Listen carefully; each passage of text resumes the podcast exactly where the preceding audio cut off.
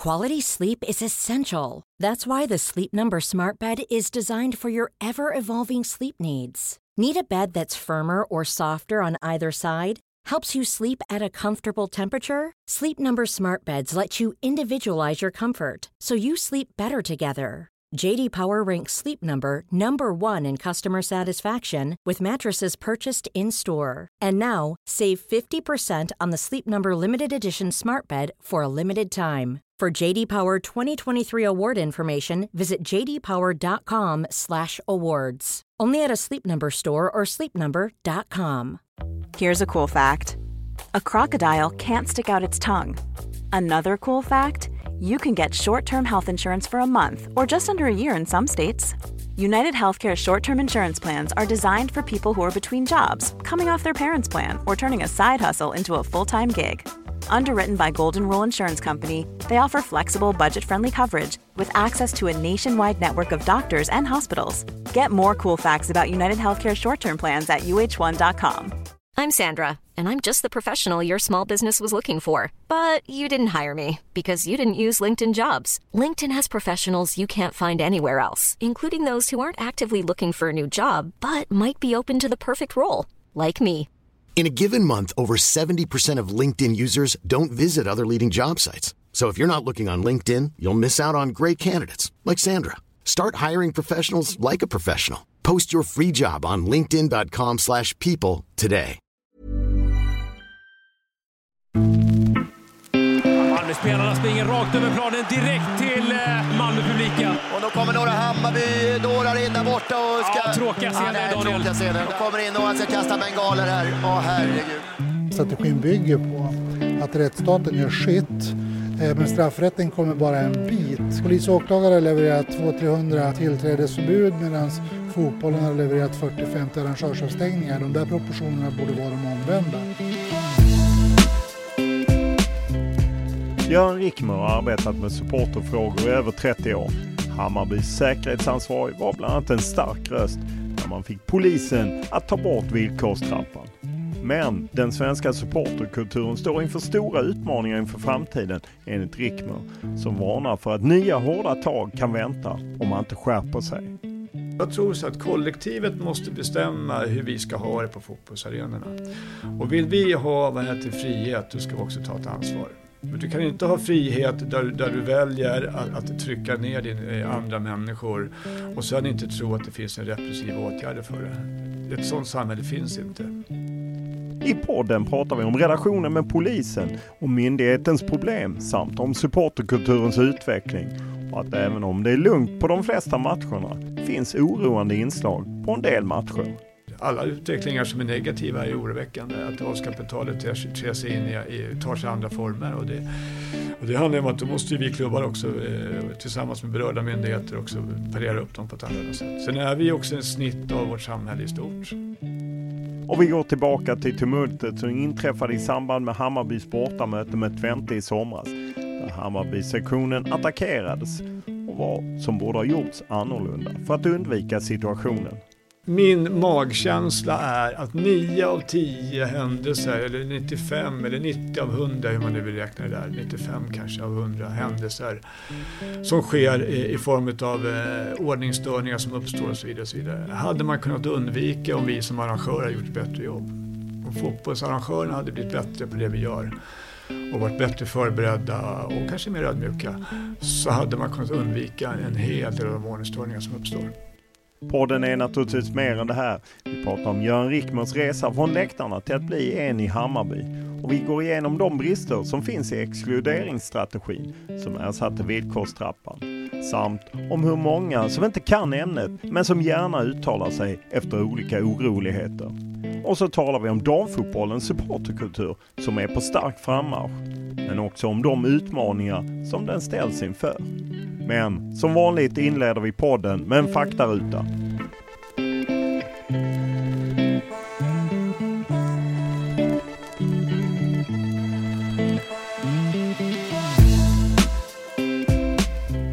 Ålder? Eh, oj, 55. Bor? Eh, Vändelse. Familj? Ja, det har jag. Jag har sambo och eh, tre egna barn och två bonusbarn.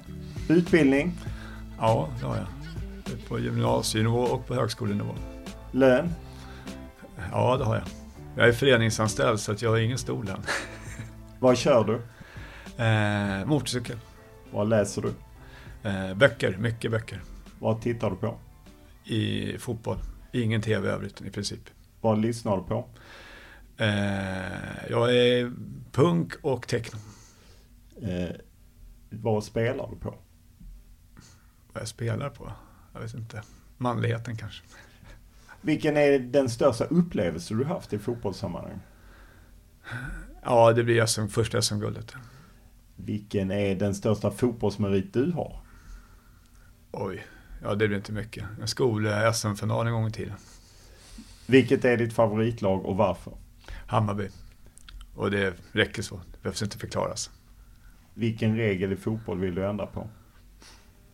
Ingen tycker jag just nu. Eh, vem är för dig tidernas främste spelare? Uffe Eriksson. Vid vilka tillfällen ljuger du? Jag eh, halkar på sanningen bara, jag ljuger aldrig. Om du ska lyxa till det lite för dig, vad unnar du dig då? Eh, jag hänger med min familj tror jag. Vad var du bäst på i skolan? Eh, SO-ämnena, geografi, historia, samhälle. Om du måste byta jobb, vad blir det då? Oj, det passar på den tror jag. När var du riktigt lycklig senast? Ja, det är nog hela tiden tror jag. Det lyckligaste var när jag fick besked att jag, var, att jag inte skulle dö efter cancern. Det är nog den lyckligaste stunden tror jag.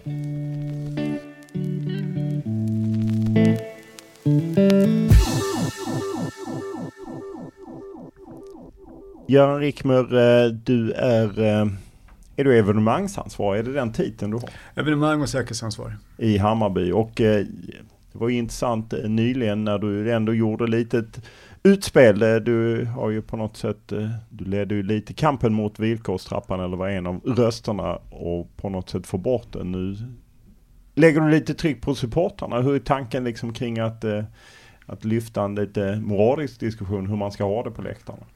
Ja, men jag tror att den är viktig överlag därför att eh, vi har ju en tendens, och det gäller inte bara idrotten, det gäller ju samhället i stort, att vi hela tiden tycker att någon annan ska lösa det och vi människor är ju i grunden uppenbarligen att vi bara tror att allt är så enkelt. Och jag brukar ofta säga det när jag är ute och föreläser om, om evenemang och säkerhetsfrågor, att det vore så enkelt att sätta upp en skylt vid arenan det står du får inte och alla följde den. Ja, men då ett, så skulle jag bara tillverka skyltar, sen skulle jag vara arbetslös. Eh, nu funkar det inte så i praktiken. Och jag tror att eh, jag menar, supporterkulturen är överlag och framförallt i, även i Sverige är ju en subkultur på ett sätt. Mm, en viss del av det, men sen så är det ju jättemånga många människor som vill se fotboll och jag tror det är viktigt att vi också har en diskussion om så här, hur vill vi ha det då? Hur vill jag ha det när jag går på fotboll? Vill jag ha eh, ett, ett fotbollsarrangemang där vi har höga staket, stora säkerhetsavspärrningar, mycket polis och ordningsvakter? Eller vill jag gå dit och uppleva en jävligt skön atmosfär och, och se på fotboll? Eh, det är ju ofta en diskussion om eh, hur är det på allsvenska arenor? Det finns ju liksom allt från de som faktiskt inte vill gå på Stockholmsderbyn med sina barn till de som hävdar att det är bara liksom ett fåtal evenemang och där det är lite stök och är det stök så är det ett fåtal personer. Vad är din beskrivning? Hur är det på allsvenskan i, idag? Jag har jobbat med de här frågorna och eh, jag vet inte om det är 29 eller 30 året jag är inne på. Och jag kan väl konstatera ur ett historiskt perspektiv så är det extremt lugnt på, på svensk fotboll. Eh, sen så är det ju så att den mediala bilden eller bevakningen av fotbollen har också ändrats. Så att förr i tiden så kunde det hända massor med saker men det var inga tv-sändningar och det fanns inte mobilkameror och, och sådär så det kunde inte dokumenteras. Och det vet ju alla som Eh, att har man inga bilder så är det svårt att, att, att lyfta upp frågeställningen. Så på det sättet så kan man konstatera att, att fotbollen eh, mår bättre än på mycket, mycket länge. Men tar man, snävar man till perspektivet lite grann och, och tänker covid och, och, och, tiden därefter så kan jag ju konstatera att vi har ju och det visste vi om att, att efter covid, och det visar historien på tidigare pandemier, fast det kanske inte just idrotten, att, att när människor återsamlas igen så blir det lite nya sådär, nya sätt att bete sig. Och, och det, jag tror ju på som säkerhetsansvarig att alltså de moraliska värderingarna styr hur människor beter sig i grupp. För det, jag hoppas att, att ytterst få människor som vaknar varje morgon har med sig lagboken och funderar på vad lagen säger, utan man anpassar sig för sin omgivning. Så jag tycker att, att det, det går ju bättre och bättre för svensk fotboll, men, men eh, vi har en del utmaningar, absolut. Eh, när man liksom slåss på läktarna eller det är bengaltennis eh, och så. Eh, upplever du att det var, jag menar jag är ju lika gammal som du i princip, eller kanske inte riktigt men nästan. Eh, och har ju gått på fotboll. Jag upplevde inte att det var så. Det är liksom på läktare som det har, vi ändå sett denna senaste säsongen en och en halv Nej, jag tror också att den har ändrat karaktär. Dels så ska man ju veta om att det, fotbollen har, det, det rullar lite grann i cirklar. Vi har ju haft publiktillförsel till publikbommar tidigare inom svensk fotboll. Och det, varför jag tycker att det är bättre nu är också för jag tycker att dels tycker jag att supporterrörelsen är mer ansvarstagande än, än tidigare säga, generationer där jag själv ingår. Eh, jag tycker också att eh, svensk fotboll är mycket, mycket bättre på att hantera det. Det finns mycket mer tydlig struktur, mycket mer ansvarstagande. Tittar man tillbaka till 80 och 90-talet så visste ju, då svarade, visste ju klubbarna att, att om jag fan att i telefon när journalisterna ringer så kommer de knappt att skriva om det och så vidare. Och jag tycker också att, att eh, media som bevakar är mycket bättre eh, i, sitt, i sin kunskap om hur fotbollen fungerar alltså alla de här sakerna tillsammans gör ju att, att jag tycker att vi är bättre förberedda i, i det och hur vi hanterar frågorna. Men, men, eh, och jag tror också att sen ska man glömma bort en sak att supporterkulturen i sin tur ändras också. Eh, vi har en enorm till, till publiktillförsel och menar för mig sen nu är det, är det ju ultrasgrupperingar som dyker upp i, i jag höll på att säga, nu sa jag det ändå, varenda håla runt om i landet i princip. Det spelar ingen roll, vi är nu liksom division 1-klubbarna som sitter med ultraskuperingar. Och det här hade vi liksom när casualkulturen kom på 90-talet, på, eh, på 00-talet så var det likadant. Och då blir det också ett yttringar som också syns mycket mer än tidigare. Eh, det, det blev ju diskussion i, i våras, derbyt, Djurgården och AIK, det var inte Hammarby men liksom just den här exkluderingsstrategin som ju fotbollen skulle jobba efter eh, att liksom, hur upplever du att den fungerar för fotbollen? Jag tycker att, att själva grundidén är, är bra. Eh, för att det är naivt. Ska du samla så mycket människor som svensk fotboll samlar så måste man inse att vi är ju ett, inte ett genomsnitt, men ett manligt genomsnitt kan man säga till, till stor del av, av, vårt samhälle. Och vi vet av erfarenhet att män i grupp har också en tendens att ha ett visst beteendemönster. Så det vore ju naivt att tro att man ska ha någon form av system eh, där man inte har repressiva åtgärder. Så jag tycker att det, det, är ett måste, det måste finnas. Det kommer alltid vara människor, oavsett var den är någonstans, som väljer att, att, att bryta mot de regler man sätter upp. Så det behöver finnas ett repressivt system. Sen kan jag tycka att det systemet vi har idag är inte ultimat. Det finns jättemycket utmaningar i det. Så tycker Vilka då? Ja, men arrangörsavstängningen till exempel, det begränsas ju mycket utifrån att vi som arrangör eh, har svårt att stänga av människor av den enkla anledningen att vi får inte kolla ID-kort på folk. Vi polisanmäler alla brott som sker, vilket gör att det blir då förundersökningssekretess och då så, så, får vi inte heller fram namnet på de som gör det och ska vi stänga av någon på arrangörsrätten så måste det vara ID-uppgifter. Så det faller på sin egen eh, logik egentligen. Då, vilket gör att de som egentligen borde vidta åtgärder, det vill säga den yngre generationen, de känner vi inte till. Utan du ska ha varit med ganska länge för att vi ska veta vem personen är. Eh, så det är den ena delen som är en jätteutmaning. Eh, och den kan jag ju tycka att det är ett underbetyg till, till eh, oss som jobbar med det, att vi inte har hittat en lösning framåt. Var brister det? Är det lagstiftning som inte gör att ni får insyn i, kanske hjälp av polisen? Det har, ju, det har att göra med att det finns en sekretesslagstiftning. Vi lever ju i en demokrati någonstans och det finns en sekretesslagstiftning och ja, den eviga diskussionen. Hur stor får kontrollsamhället vara? Vilken rätt har jag som privat aktör att kartlägga min omgivning och så här. Så Borde polisen vara på plats och stoppa dem då? För de får väl ta lägg, utgå från? Ja, men det är ju så. Ja, det får de göra. Men problematiken är att förundersökningssekretessen gör ju att, att polisen får inte lämna ID-uppgifterna till oss. Sen har vi tilltillsförbudslagstiftningen som är en ren lagstiftning. Det andra är en arrangörsrätt. Och de här två systemen skiljer sig åt. Arrangörsavstängningar det är ju en repressiv eh, del. Där i princip man kan säga att tänder du en bengal så är det 6 12 månaders avstängning. Gör du det här så kan man direkt sätta en tidsaspekt på hur länge du ska vara avstängd. Eh, däremot tillträdeslagstiftningen det är ju inte en repressiv del utan det är en, mer en social kan man säga. Det är ju för att skydda oss som arrangör och bryta individens negativa beteendemönster som det heter. Så, sen vet jag att, att många ser det som en påfallsdel men så är det ju inte. Så den skiljer sig åt ganska mycket. Och det är ju en annan del att jobba och där finns, den är relativt ny i, i ett juridiskt sammanhang och jag kan tycka att där finns det en hel del barnsjukdomar. Dels synsättet på den. Jag tycker att man använder den för, som en repressiv lagstiftning, vilket jag tycker är fel. Därför att det finns en annan lagstiftning. Så att slår någon på käften så finns det lagar som ska reglera det och då ska det upp i tinget. Eh, däremot så tycker jag att den är bra därför att den bygger också på att du behöver egentligen inte begå ett lagbrott. Det handlar om beteendemönster och vi har ett upprepat och pågående beteendemönster som inte passar in i, i det stora kollektivet. Att du går runt i ett jävla arsle helt enkelt. Så kan du bli avstängd eller tillträdesförbud. Och det kan jag tycka är bra. Men eh, när det är då exempelvis maskerade ibland som tänder eh, bengaler och läktare. Vet inte ni i Hammarby vilka de är? Nej. Inte alls? Det, det är helt... Nej, men det går. Alltså det, dels är det så att vi, eh, dels vet jag inte hur jag ska få fram namnet på dem. Eh, dels, vi har ju 23-24 000 i snitt på matcherna. Eh, majoriteten är maskerade. Eh, det finns begränsningar i... Det är ju så att... Varför går man inte bara upp och plockar dem ja? Det, det, det finns nämligen begränsningar i, i vår lagstiftning, vilket är bra. Och det, det ska finnas en proportionalitet i, i det man gör.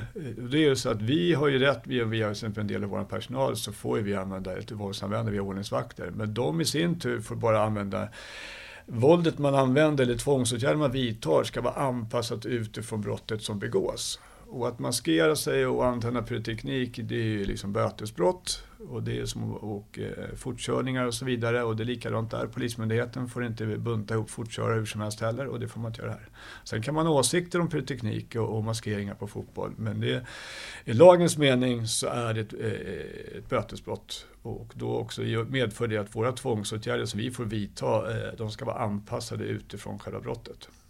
Eh, när du nu senast eh, pratade om det här, eh, bland annat sa du att liksom testa gå till matbutiken, ställa vid köttdisken med bara överkropp, kasta plastmuggar om dig och skrik hora till folk. Eh, det låter inte så trevligt på läktaren om det är så. Vilket jag vet ju också att det kan förekomma. Jag menar även jag är ju på allsvenska matcher och hör liknande. Och, jag, och det, för mig så tycker jag att det är en viktig diskussion. För jag tror lite som jag, vet, jag tycker, det är som ungefär de här som skriker om 51%-regeln. Jag tycker det är bra att vi har 51%-regeln i Sverige. Men jag blir också så här, ska vi ha 51%-regeln och ska vi ha en demokratisk process så ska man också vara jäkligt ödmjuk inför den och värna om den och ta hand om den. Och det är likadant med, med eh, inom supporterkulturen på läktaren. Och nu vill jag vara tydlig, det här handlar ju till mångt och mycket inte kanske om den där 18-åriga killen som har maskeringen på sig. Därför att jag tycker att är man en viss ålder så förväntar jag mig att man ska testa reglerna och tänja på dem. Utan jag tror att det är snarare vi, den vuxna världen inne på, om den vuxna världen inte kan bete sig inne på en fotbollsarrangemang. Och det här spelar ingen roll, det gäller inte bara storklubbar, det här är ju överallt. Det, är ju men jag ser på alla Hammarbys matcher på hemma bortaplanen och sett eh, vart det tror jag, på alla arenor i Superettan och Allsvenskan och, och andra fyra ställen också. Kolla på fotboll. Så är det ett beteendemönster som vi skapar där inne på arenan när det händer någonting. Som i sin tur påverkar de där som vi vet kan gå överstyr. Och för mig så då måste man också våga en diskussion. Vill vi, vill vi ha en frihet inne på läktaren eh, där vi inte ska ha höga staket och inte ska ha poliser, då ska, måste vi också ha ett beteendemönster utifrån det. Hur landar vi... det när du säger det? Jag tycker att majoriteten eh, tycker jag tar det bra. Sen finns det ju alltid de där som tycker att men det är väl inte hela världen. Nej, det kan man väl tycka, men för mig så är det hela världen. Dels så, så eh, jag har ju valt att inte, jag, jag har gnällt på domare, sista gången jag gnällde på en domare så insåg jag att, att det, då var jag 43 och han var 65 och han sa vi lever på samma nivå så att ta lite lugnt. Efter det så gnällde jag inte, gnäller jag mer på domare. Men för mig så visar det att det, det är en arbetsmiljöfråga. Jag tycker att, och det är inte ett beteende som är accepterat. Därför att alla människor gillar det inte. Och jag tror så att kollektivet måste bestämma hur vi ska ha det på fotbollsarenorna. Och vill vi ha vad heter, frihet, då ska vi också ta ett ansvar. Du kan inte ha frihet där, där du väljer att, att trycka ner din, eh, andra människor och sen inte tro att det finns en repressiv åtgärd för det. Ett sådant samhälle finns inte. Är du på något sätt, även om du tycker det är lugnare idag jämfört med tidigare, så har det ändå varit en del incidenter eh, senaste året, ett och ett halvt. Det var ett eh, derby på Friends Arena mellan AIK och Hammarby där de mm. liksom slogs öppet på, på läktaren. Är du rädd att att villkorstrappan är på väg tillbaka? Att polisen behöver göra mer? Nej, inte just nu, det tror jag inte. Men jag tror också sådär att man... Eh, att man ska vara extremt ödmjuk. Jag brukar ofta säga det att, att det är många, lång, under långa perioder så handlar det inte om att utveckla svensk supporterkultur. Det handlar om att försvara den. Därför att den är ifrågasatt och ibland så bränner den sina egna skepp också. Och jag tror att det är extremt viktigt att också vara ödmjuk. Jag måste förklara för alla. Därför vi, jag kan säga så här, att svensk fotboll idag, om man tittar utifrån europeiska mått, så har ju svensk fotboll lyckats extremt bra. Trots de avvikelser, de, de händelser som har skett, trots de bråk som har varit. Tittar man ut i Europa och läser man Uefa eh, kommunicerar just nu har de jätteutmaningar. Och sen är det alltid svårt att mäta sånt som inte som har hänt. Men tittar man på det så kan jag säga att svensk fotboll har ju inte lika eskalerande så ordningsstörningskurva som ute i Europa. Så på det sättet har vi lyckats bra. Sen kan man ju aldrig vara nöjda med att människor beter sig som de gör på läktarna.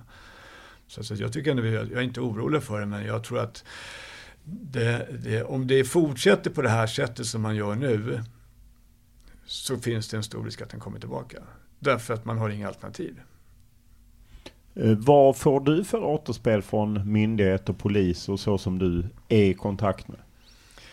Nej, alltså de, de tror ju på, på den strategi vi har idag och ja, den ger ju effekt så att de är nog rätt nöjda med det. Men jag tror att det är viktigt och det här är för mig inte en myndighetsfråga. Det här är en fråga för, för idrottsrörelsen eller för överlag. Jag menar de här problemen, nu pratar vi allsvensk fotboll och, och superettan kanske, men de här problemen finns ju i, i hockey och bandy och var det än kommer. Du kan ju gå ner på ganska låga, du kan gå ner, gå ner på dam och, och, eller på flick och pojkmatcher så kan du hitta föräldrar som har ett beteendemönster som aldrig skulle vara accepterat till exempel på ett föräldramöte i skolan. Och jag tror att den diskussionen måste vi våga ha, för för mig handlar det om moraliska värderingar. Alltså varför är det här beteendemönstret accepterat här borta, eh, men inte här? Och det kan ju bara vi som är på arenorna diskutera. Vi kan aldrig peka på någon annan. Man kan inte peka på den där lilla gruppen som gjorde felet. Utan det måste vi, vi andra sätter de moraliska reglerna. Hur, hur får man in det civilkuraget då? Att om man ska säga till sin granne på Tele2 Arena att gör inte så här. För man kan ju ändå misstänka att man drar sig för det. Absolut, men jag tror att då har man, då har man dragit det ytterligare ett steg längre fram. Jag tror ju också så här att, att man kan ta händelsen senast. Det är ju inte så att det står... Händelsen senast var ju i samband med matchen mot uh, Häcken. Där ja, när vi hade grejer. avbrott i matchen då för, för att det kastades in grejer och, och folk skrek och betedde sig. Och för mig så blir det här att, att ibland måste man, och det här kan bli en filosofisk diskussion. Vi vet att det spelas fotboll inne på, på en fotbollsarena. Vi vet att det är, fotboll handlar om känslor. Och då blir jag så här, och om alla vi, om vi är med i en grupp som är publiken är inne. Om vi står och har ett beteendemönster där vi står och, och, och liksom, ja, ogillar, till exempel i det här fallet då, eh, linjedomaren och skriker och låter och låter och låter och låter. Så byggs det ju upp en, en, en, en miljö som skapar en acceptans för ytterligheter. Och den här killen, eh, det är oftast killar ofta, till 99 procent som gör de här grejerna. Han hade inte lastat in den här ölen om, alla, eh, om folk inte hade haft det här beteendemönstret. Utan han dras ju med i det här. Och det är det jag vill ha. Det handlar inte om att säga till honom så att du får inte, för han redan kastat. För mig handlar det om att vi ska inte skapa miljöer som försätter att människor tar de här korkade besluten. Och det kan låta lite flummigt och därför tror jag vi måste ha en diskussion. Därför att jag, jag tycker att vi alldeles för ofta, vi klubbar eh, eh gör det ganska enkelt för oss. Och det är, alla vi som har jobbat med ganska enkelt för Vi har tendens att alltid peka på någon annan. Antingen säger vi så här, men titta vad han gjorde eller kolla på det där.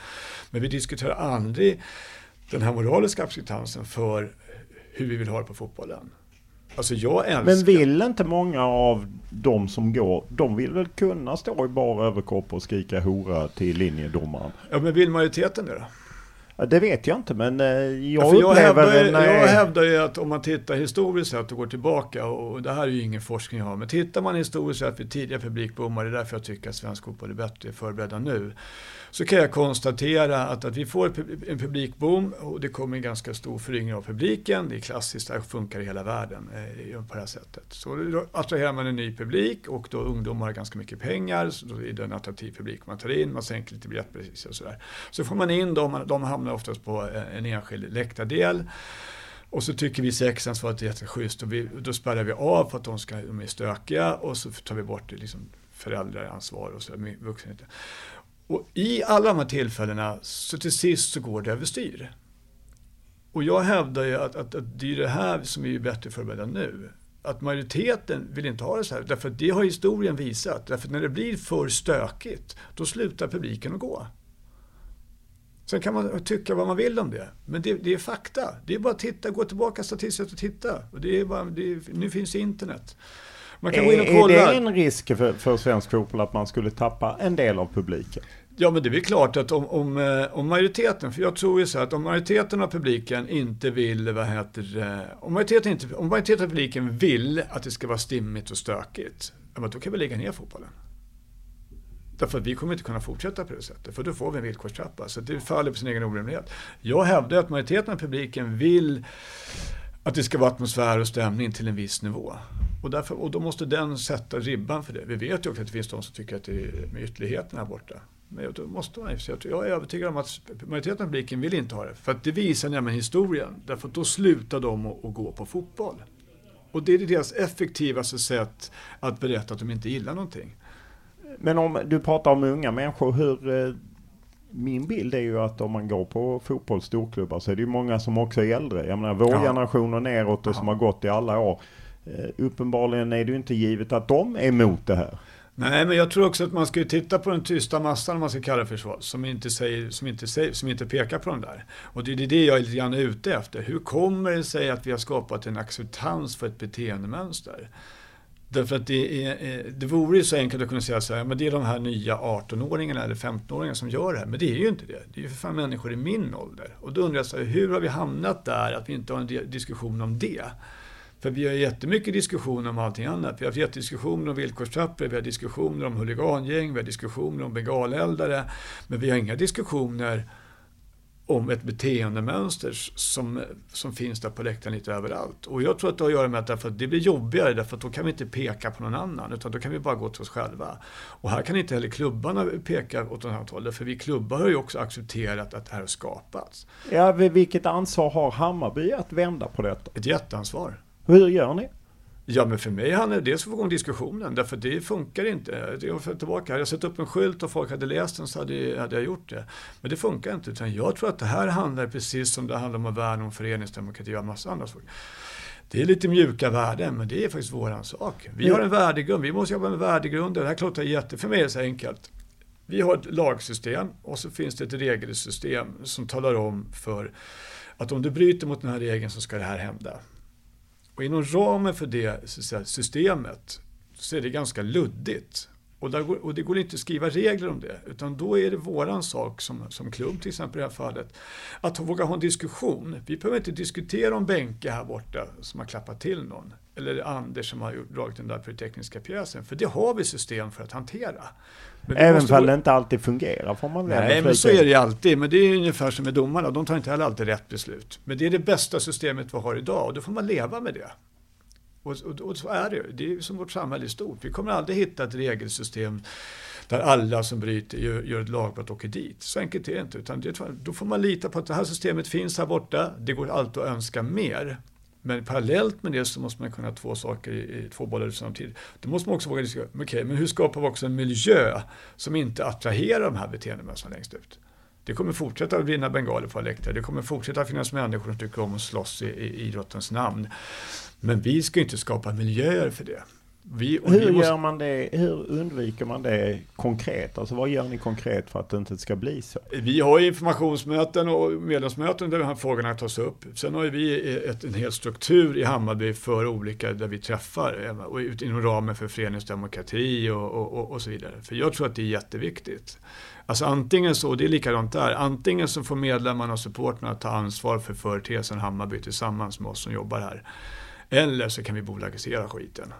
Och då kan man liksom börja diskutera helt andra saker. att man då man... rycker 51%-regeln, ja, att men... man gör det och att det blir, ja men som om man går på fotboll i Premier League exempelvis. Ja. Stora bolag som kontrollerar det ja, hela. Och då tappar det här. Utan här, vi har ju, våran styrka är att, att vi är ju, vi är medlemsstyrda, vi är medlemsägda och det är där vi ska utgå ifrån. Jag brukar säga det, vi har jobbat jättemycket med värdegrundsarbetet och vi har en värdegrund i Hammarby och den gäller ju all vår verksamhet. Den gäller, och den är hämtad ur vår breddverksamhet. Men den gäller ju även vår A-lagsverksamhet. Med hur man ska bete sig och hur man ska uppföra sig. Sen är det precis som i vår breddverksamhet. Alla följer inte fullt ut. Nej, men då har vi repressiva åtgärder som ska hantera det. Men däremellan så måste det vara ett eget arbete. Och där kan vi säga, det är ett underbetyg till Hammarby och till svensk fotboll överlag att inte vi har den här debatten oftare.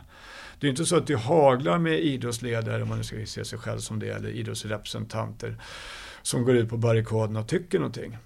Nej, och gör de det så gör de, upplever jag dem att de snarare fastnar i det. Det är bara ett fåtal, det är bara, alltså i någon slags förklaringsmodell som kanske inte rimmar med verkligheten. Nej, och, och för mig så blir det att man, eh, man glömmer nog bort det stora supporterkollektivet. Men är det obekvämt att gå ut med en sån sak? Ja, men det är klart att det är det. Eh, framförallt i sociala medier, det, det beror man ju till. Ibland så lyser ju rött överallt i telefonen om man varit ute och tyckt någonting för att folk har åsikter och så drevas det och så här. Men så är det ju liksom att vara, jobba här. Hur pallar du det?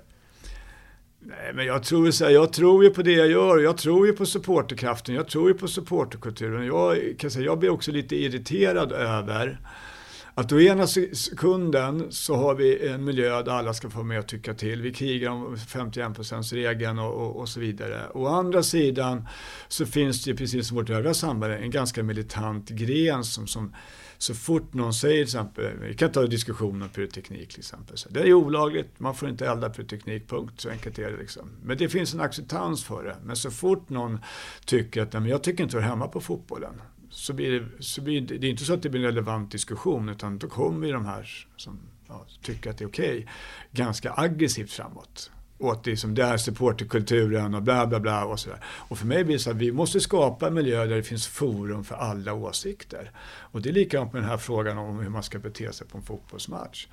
Det finns som ja men det var bara en plastmugg, eller det var bara det där och lite får man tåla. Ja men vänta, vem bestämmer det då? Och gäller det alla? Är det samma sak på, på läktaren? Om det är, får man bete sig hur som helst mot varandra på läktaren? Nej, det får man inte. För där finns det moraliska värderingar på hur man inte får göra. Det är ganska tydliga, åtminstone i Hammarby och det är de flesta klubbarna.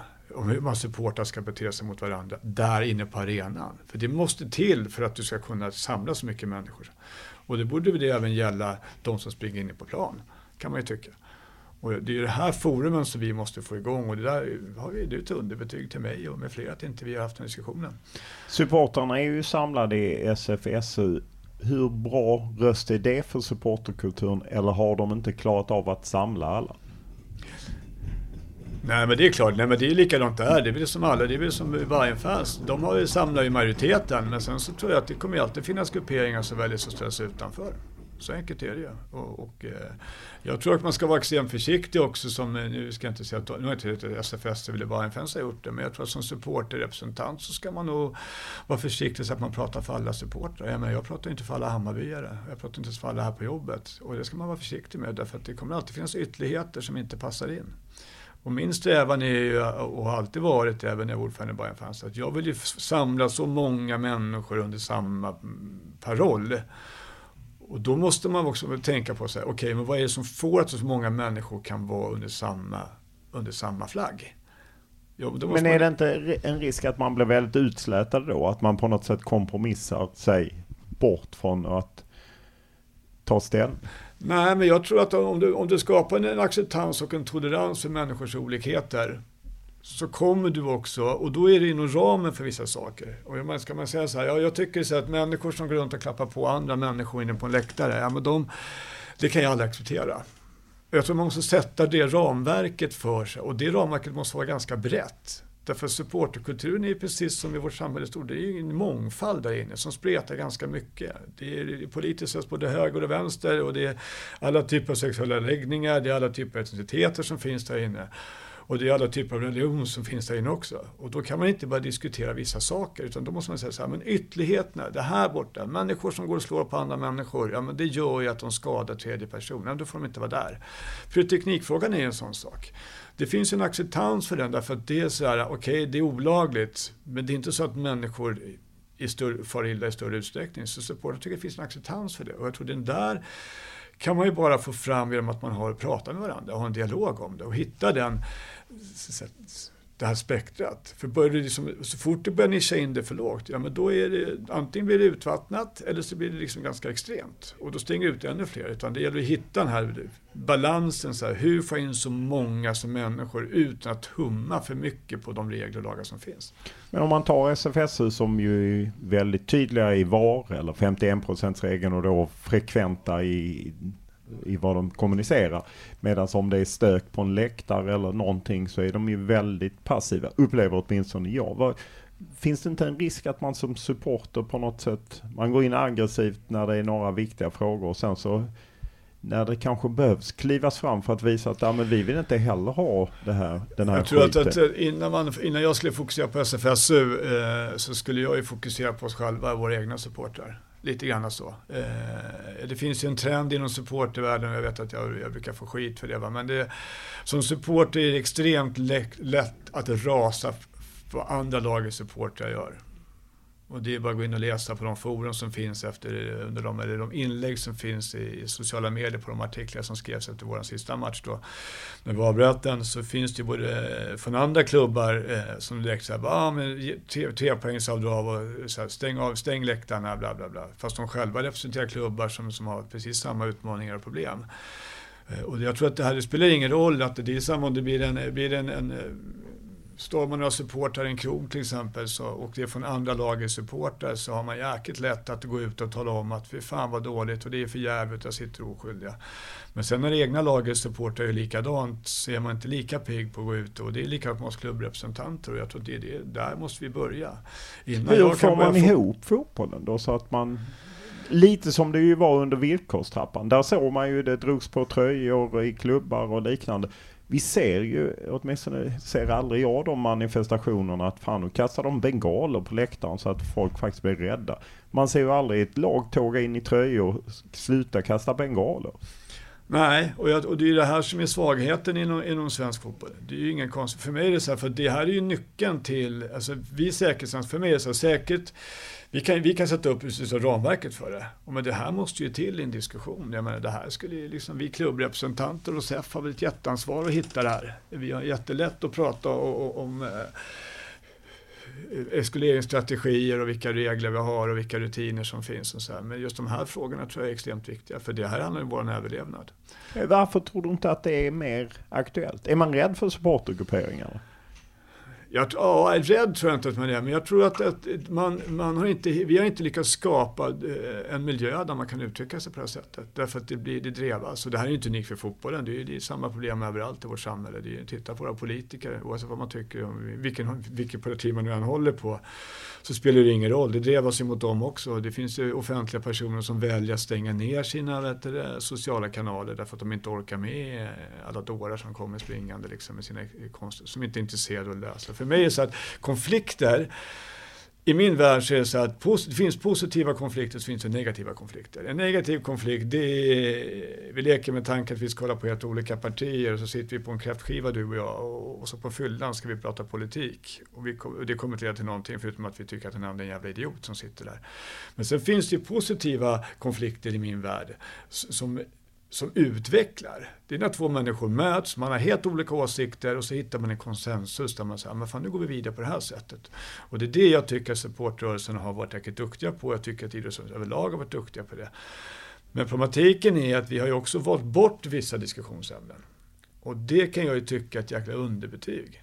Därför att det är väl klart att man kan ta det här med huliganfilmer och så vidare. Och det är likadant där och man säger så här, ah, men låt dem slåss i en grusgrop, inga oskyldiga ska komma till skada. Ja, men hur ofta händer det då? Och vi vet ju allihopa att så här, ja, men får de slåss i grusgropen så kommer de snart att storma en restaurang. Och där sitter oskyldiga som kommer till skada. Men ändå så, så, här, så finns det en acceptans för att de ska få finnas och vara där. Och det handlar inte om att vi ska skjuta ner dem och avliva dem. Utan för mig handlar det så här, då får vi börja diskutera. Men tycker vi att det är accepterat då? Tycker vi att det här är okej okay, att det sker i vårt namn? Ja eller nej? Och vad tycker ni? Jag tycker att det är för jävligt. Alltså jag tycker att för mig, så här, sen finns det liksom, sen har vi repressiva delar i samhället som kommer få hantera det. Men jag tycker så här, men varför ska någon slåss i Hammarbys namn för? Hur, hur är din bild av utvecklingen kring just den firmakulturen? Är den större eller mindre?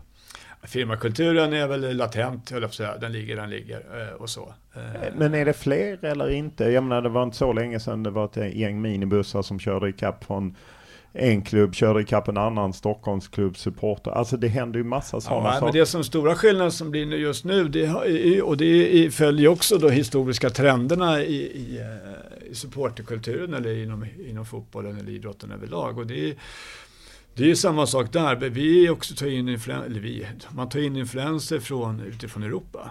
Och, och eh, tidigare så hade vi ju varit så att i Sverige hade man så här, huliganfilmerna stod ju för våldskapitalet och så hade vi Ultras som höll på med, med tifo fix och var en ganska positiv så. Tyckte vi åtminstone vi utomstående så. Men nu så är det ju så att nu ändras det lite grann. Nu är det jacket inne eh, med ultrasgrupperingar. Snart har ju var var och klubb har vi en ultrasgruppering. Eh, om inte annat så har ju vi säkert lyckats skapa dem därför att vi eh, går för hårt fram emellanåt. Eh, och då finns det ett våldskapital som har kommit in där. Och ute i Europa, så, så, åtminstone i vissa breddgrader, så finns det ju inte huliganfilmer. Där finns det ju ultras, punkt. Ultrasgruppering. Och där Men finns som, det, eh, och där finns det vålds, våldskapitalet har ju tagit sig in där. Eh, mer och mer. Och, och det, de här, jag ska inte säga att de är nya firmorna, men Stora skillnaden för mig är det så att, att i ultrasgrupperingar så kan du fortfarande, du kan vara med i ultraskulturen utan att, att vara emot våld. Eh. Det är svårt att vara huligan och vara pacifist. Alltså det är ingen naturlig del, våldet är ingen naturlig del i supporterskapet, det ska man alltid ha med sig. Och det är ju egentligen öppningen för, för den ultraskulturen. Jag tycker att det är en positiv kultur. Därför att just att man har en, en tydlighet där, att, att det finns inget krav på att våldet ska vara en naturlig del i det hela. Eh, så, men det är en utveckling som är oroväckande. Är det en utveckling som är oroväckande? Ja, men absolut. Så är det. Alla utvecklingar som är negativa är oroväckande. Att våldskapitalet ter sig in i, i, tar sig andra former. Och det, och det handlar om att då måste vi klubbar också eh, tillsammans med berörda myndigheter också parera upp dem på ett annorlunda sätt. Sen är vi också en snitt av vårt samhälle i stort. Titta, Hur- Men hur utsatta är, är ni som jobbar med det här av den kulturen oavsett om det är firma eller ultras eller det som har flutit samman? Jag kan ju bara prata för Hammarby och, och eh, vi jobbar ganska hårt eh, med eh, demokrati och mötesstrukturerna. Vilket gör att vi har en tydlighet eh, tillsammans med våra supportergrupperingar bland annat och så vidare. Där vi har tagit fram så, ja, men hur, ska vi, hur träffas vi, vilka frågor ska lyftas var och, och, och där startar vi. Vi har ett årsmöte, vi har informationsmöten två gånger per år, vi har vad heter det, evenemangsforum, vi har eh, supportermöten, vi har eh, supportermöten där vi var med grupperingar. Det finns en tydlighet exakt hur vi ska träffas, hur ofta vi ska träffas. Det finns också en tydlighet om vilka frågor som ska hamna var. Eh, var man ska ta upp dem någonstans. Och det är en sån enkel fråga, kan man, vi kan ta pyrotekniken för det är ett kärt ämne för många. Och det är så här, vi kan diskutera pyroteknik hur länge vi vill, jag har inga problem med det, men, men det är ett tråkigt ämne. Men, men för mig är det så här, ja, men hör den hemma i Hammarby? Nej, det är förbjudet enligt svensk lag. Så vi får inte diskutera den. Eh, om man, utifrån att vi ska vara godkänt eller inte, för det är inte mitt bord. Det får, de ta, då säger man, det får du ta med lagstiftaren. Och jag tror att det här är mycket de här, att det, har man den tydligheten med när och var ska man ha diskussionerna. Därför det är också populärt, det går i trender att det är populärt att man ska ha en sån motivationssamtal med våra spelare, ska ju våra supportrar ha. eh, Så. är det det man har eh, Ja, döpt men om man det vill, till? ja, då ser man ju också, det finns ju på nätet och sådär hur, hur det står någon, någon uh, skön lirare med ett par kilos övervikt som står och skriker på någon stackars lagkapten som inte har levererat. Och då är frågan så här, ja men är det så vi ska ha det? Ja, I min värld, vi har en 51%-regel och eh, som supporter i, Sverige, det är det här som är nackdelen med 51%-regeln, det är att du faktiskt har medbestämmande rätt. Ja men Skillnad- egentligen bara om du är medlem. Jo, men majoriteten är ju medlemmar. Och ska du, håller du på Hammarby så ska du vara medlem. Därför du har en chans att påverka. Jag kan säga, skulle du gå ut i, när jag pratar med, med eh, supportrar utomlands, jag ser rätt mycket fotboll utomlands och träffar mycket supportrar som står på ståplatserna där. De önskar ju att de ska kunna få vara medlemmar i sin klubb och kunna påverka på ett annat sätt än att köra budisar på läktaren och, och, och, och stå och skälla ut spelare. Men det har ju vi här i Sverige. Vi har ju den möjligheten. Så för mig blir det så här att vänta, du kan ju inte värna om 51%-regeln och sen så helt plötsligt så bestämmer du att du ska kringgå den och sätta dig över alla andra medlemmar därför att du anser att du har mer att säga till till våra spelare än någon annan. Du har ju gyllene chansen att påverka det här. Men varför accepterar man som förening att spelarna blir utställda för de flesta spelare har väl ändå gjort sitt yttersta. Sen om de inte gör mål. i- Ja, men jag tror att det är en kulturfråga precis som det här med beteendemönstret. men varför accepterar ni att det sker? acceptera gör vi inte. Och jag tror att det, men det är också så här, vi, fotboll, det är en svår, det, är en, jag vet, det finns inga enkla svar på det, men det är också en svår fråga därför att det finns också en acceptans som skapas därför att det funkar så ute i Europa. Man gör på ett visst sätt, man ser hur det funkar ute i Europa och sen så blir det alla vi påverkas Fast överallt i Europa är det ju inte så. Nej, men fast vilka länder är det inte så? Ja. Jag, jag tror inte att man skäller på samma sätt. Man kan stå och, och söka upp en spelare och att man accepterar att bara stå och få skit. Ja, men i vilket land gör man inte det? Ja, I England tycker jag inte att man ser det lika mycket. Nej, okej. Det var ändå landet då kanske. Ja, det är, men det, för jag, jag förstår liksom inte mekaniken i det, att man tror att de ska spela bättre då.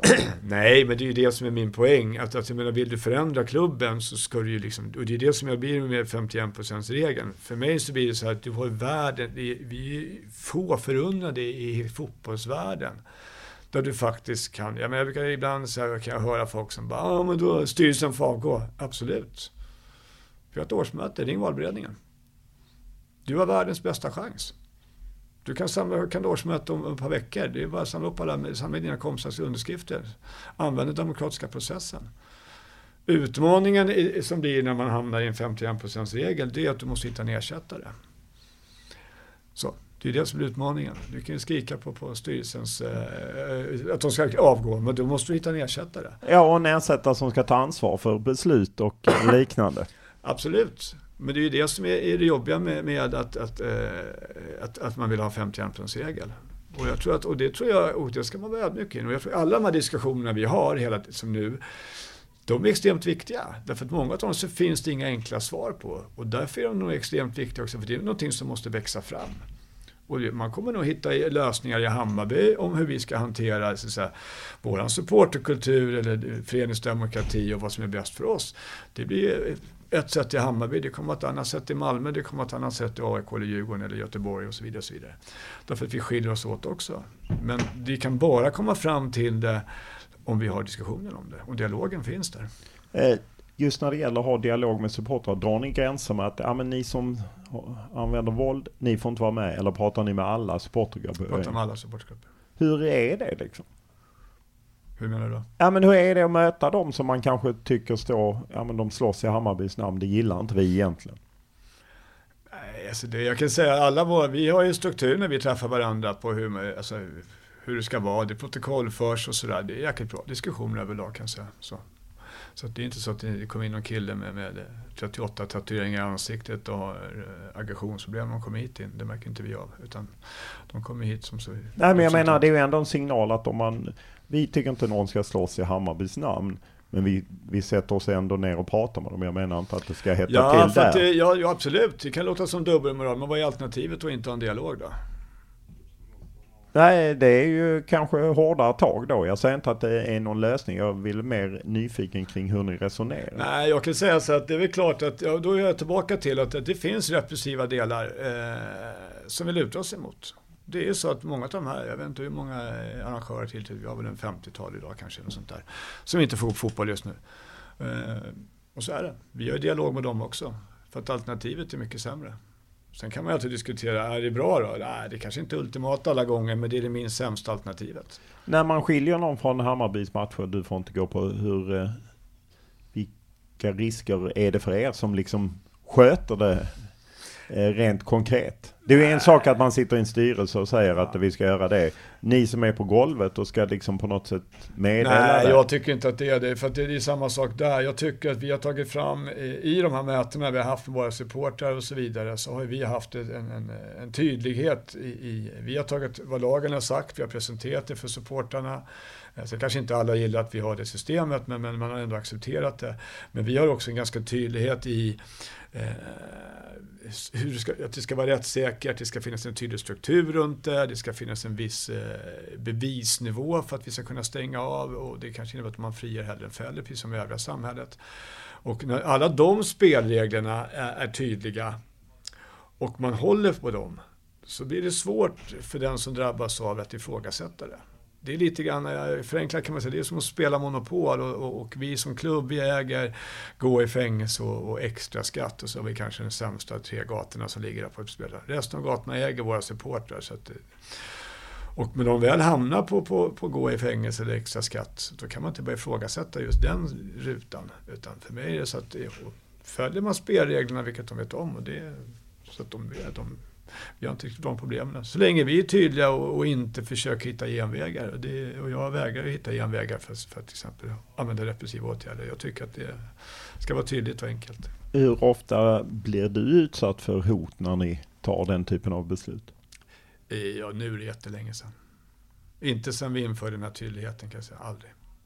Sen kanske inte alla gillar det, de som tas, men det finns en acceptans för det. Och, och, men jag kan säga att peppar peppar hittills extremt bra dialog med, med de som, som eh, de fattar det, de visste om det, de vet att om att det är på gång. Det kanske inte är så att de jublar att de inte får se Hammarby. Okej, visst så kanske det är skönt att slippa se skiten. Men, men, eh, men alltså nej, jag har ingenting. Jag tycker att det jag tycker vi har bra dialog med dem också. Vi har kontakt med majoriteten av dem under, under, under hela tiden också. De är avstängda. Men om du då sa till mig tidigare att du har inte koll på de som står och tänder bengaler med en maskering på Nej. just den här mer eh, våldskapitalgruppen. Vilken koll har ni i klubben på dem? Vet ni exakt vilka de är? Nej, vet vi inte. Men hur många? Men några måste ni ju veta efter Ja, men så är det ju. Det är ju likadant inom ultrasfären. Klart att vi vet några stycken vet vi, men de är ju oftast ledarna. Nej, men det, är så, det är så stora, alltså vi har ju så stora, alltså det är så mycket folk på våra matcher. Så, att, så nu ska man ju veta så att jag hälsar på jättemånga, jag är ju på alla hemma borta matcher och, och hälsar på dem och så, till ansiktet känner igen många av dem och så. Eh, men det är ju en jättestor skillnad till att, att man nu ska leka, leka med tanken till exempel när arrangörsavstängning. Då ska du ha namn och personnummer och, och, och, och sådär och vara säkerställt och ha en hemadress och det kan man ju ha om man har personnummer så får man ju fram det. Men, och det är ett jättesteg från att kunna säga hej till någon och, och använda hans smeknamn till att veta exakt det här personen är. Det, det är en jätteskillnad. Eh, det är väl nu eh, fyra år sedan vi gav dig ett pris, eh, årets röst, eh, i samband med villkorstrappan. Du tog ju liksom debatten och, och då kring det, fast från fotbollshåll. Nu kommer du från lite ett annat håll. Vad är det som gör kring fotbollen, du som har sån lång erfarenhet, att debatten ofta blir lite enkelspårig eller att man liksom man ligger väldigt långt ifrån varandra. Men jag tror att man förenklar och jag tror att det, det är hela grundstrukturen. Att det finns en, del om, dels så tror jag att fotbollens största problem är fotbollen själva. Nu eh, kan jag få rätt mycket skit för det. Jag tror att vi också har en jäkla syn på oss att vi är så jävla duktiga på allting. Och att vi kan bäst. Vi är, vi är världens största sport, vi är Sveriges största sport vi har flest, mest pengar, vi har flest anställda och så vidare. Och så vidare, och så vidare. Jag tror ibland också att, att vi, eh, jag kan sakna en ödmjukhet emellanåt inför de utmaningar vi har. Det är ju bara att ta den här debatten som jag kan tycka, så det är ju jätteunderbetyg att inte vi, jag menar till Hammarby har vi haft en bland medlemmar på supportermöten ganska högt i tak och sådär där vi har diskuterat om skadegörelse eller folks beteendemönster och så vidare. Det har varit bra debatter och, det har blivit en effekt och blivit bättre. Men jag kan ju tycka att vi, eh, varför har vi inte det i svensk fotboll överlag? För när ingen fotbollsrepresentant ska inbilla mig, om man har en breddverksamhet och så har man eh, en A-lagsverksamhet, så ska ingen inbilla mig att man inte har problem med människors beteendemönster som är läktarcoacher. Alltså det finns inte en klubb i hela Sverige som kan säga att vi har inte de problemen. Därför det, då är man som de tre aporna. Då är man både blind och döv och stum. Och det, för mig blir det så här, hur kan vi inte ens ha den diskussionen? Hur kommer det sig att vi att det är liksom domarrepresentanter som går ut och ska ta det här. Vi tänker inte döma. Hur många varningssignaler ska vi få eh, eh från lägre divisionen att publiken beter sig som idioter mot, mot, liksom, amat, liksom, mot eh, domare som dömer ideellt i princip? Och där hela vägen uppåt. Så att jag, ibland tycker jag att, att fotbollen, ibland så, så tar vi inte tag i de mest relevanta sakerna. Som Nej, fotbollsrepresentant de... så kan du lätt sitta och prata om avstängningar till TSB och de där som eldar bengaler eller han ytterligheten som klappar på någon eller misshandlar någon i en huliganuppgörelse. Men vi är ju skiträdda för att prata om det här som faktiskt skapar den här miljön däremellan. Därför vi har inte hittat något bra forum för och det är ett jätteunderbetyg. Och jag tror att vi ibland så skulle man nog vara lite ödmjuk i det. Sen blir frågan kidnappad också emellanåt. Det kommer in folk från andra håll. Ja, för det är prata... det jag tänker att och, och när det är som det var i, i våras, det var i AIK och Djurgården då, det finns ju många Fler klubbar som är involverade, nu nämner jag det. Men då blir det ju liksom att idrottsministern kommer in, eh, andra kommer in, ledarskribenter som kanske har ett annat syn på det. Och de som råkar ut för fotbollssupportrar på väg till ett derby i tunnelbanan är ju inte alltid heller helt glada. Eller det finns väl plus och minus en marsch. Den är ju Ja, mest ja, häftig. men det är men- absolut. Men hur, hur, hur, hur ska man liksom undvika det? Eller går det inte att undvika? Ja, men jag tror, alltså utmaningen är lite grann, och det är kontinuiteten i det hela. Vi kan ta idrottsministern till exempel. Eh, Jag menar för mig så är det Ja, hans- Jakob Forssmed. Ja, ja, men alltså för mig, han är ju populist. Han dyker upp. Jag har inte sett röken av honom sedan dess. Jag representerar en av de klubbarna i Sverige. Vi har jätteutmaningar. Jag tror i och för sig han var på någon match nu nyligen. Ja, det är mycket möjligt. AIK Alltså, ja, eller att han får jättegärna gå och kolla på fotboll, det är kul. Nej, men som han följde något idrottsminister så arbete. blir jag, så ska man engagera sig i frågorna. I Stockholm så finns de tre största klubbarna och jag kan, jag ska inte svara, jag jobbar med säkerhetsfrågor eh, och eh, jag har inte träffat en enda politiker på, på riksdagsnivå på många, många år. Utan jag ser att de gör utspel i media. Och det kan man ha åsikter om, det finns säkert viktigare saker att göra än att hänga med mig, så absolut. Men då kan jag tycka, då ska man inte vara populist heller. Att, eh, för mig, ska du ha respekt eh, från min sida så jobba kontinuerligt med det. Och det är likadant med alla andra som kommer in och, och tycker och, och det är sköna krönikörer på kultursidor som tycker massa saker för att de, eh, de vet att det här ger medialt utrymme och sådär. Och, så att jag blir så att, ja, sluta vara populister då. Vill ni ta tag i problemet så tar vi tag i problemet. Men eh, problematiken är ju som i svensk fotboll. Man, eh, det är inte lika sexigt och inte lika roligt. Det är lätt att sitta i en TV4-soffa och tala om för, för vad, vad eh, storklubbarna ska göra. Men sen så inser man plötsligt att fan, jobbet hamnar ju också på oss själva och då är det inte lika roligt längre. Och eh, sen för mig. Sen kan jag säga så här, jag tycker till exempel, jag, eh, vi är ju extremt öppna i Hammarby, det är vi även i AIK och Djurgården. Vi har ett kontinuerligt arbete. Jag kommer ju aldrig att gnälla på en journalist som skriver skit om oss. I mina ögon sett, därför att det är ju ert jobb. Eh, däremot så försöker vi se till att utbilda journalisterna så att de har förståelse för det jobbet som sker bakom kulisserna. Så jag tycker även där, även fast vi dras ibland medialt i, så kan jag tycka så här, ja men det är ändå en bättre nivå än tidigare. Därför att jag tycker att majoriteten av journalisterna startar på en högre nivå. Man har bättre baskunskap om hur vi jobbar med arrangemangen och bättre förståelse för det. Så att man rapporterar för att människor går överstyr, ja det är väl journalistens arbetsuppgift. Det är svårt, svårt att ignorera.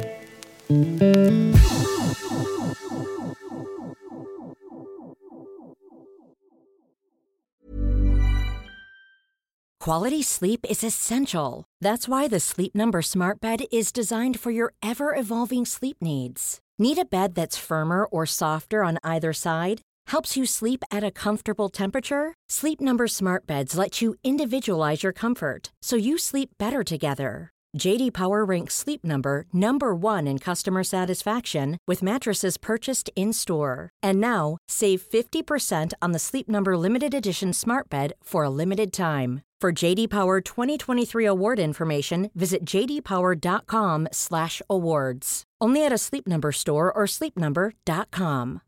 Here's a cool fact a crocodile can't stick out its tongue.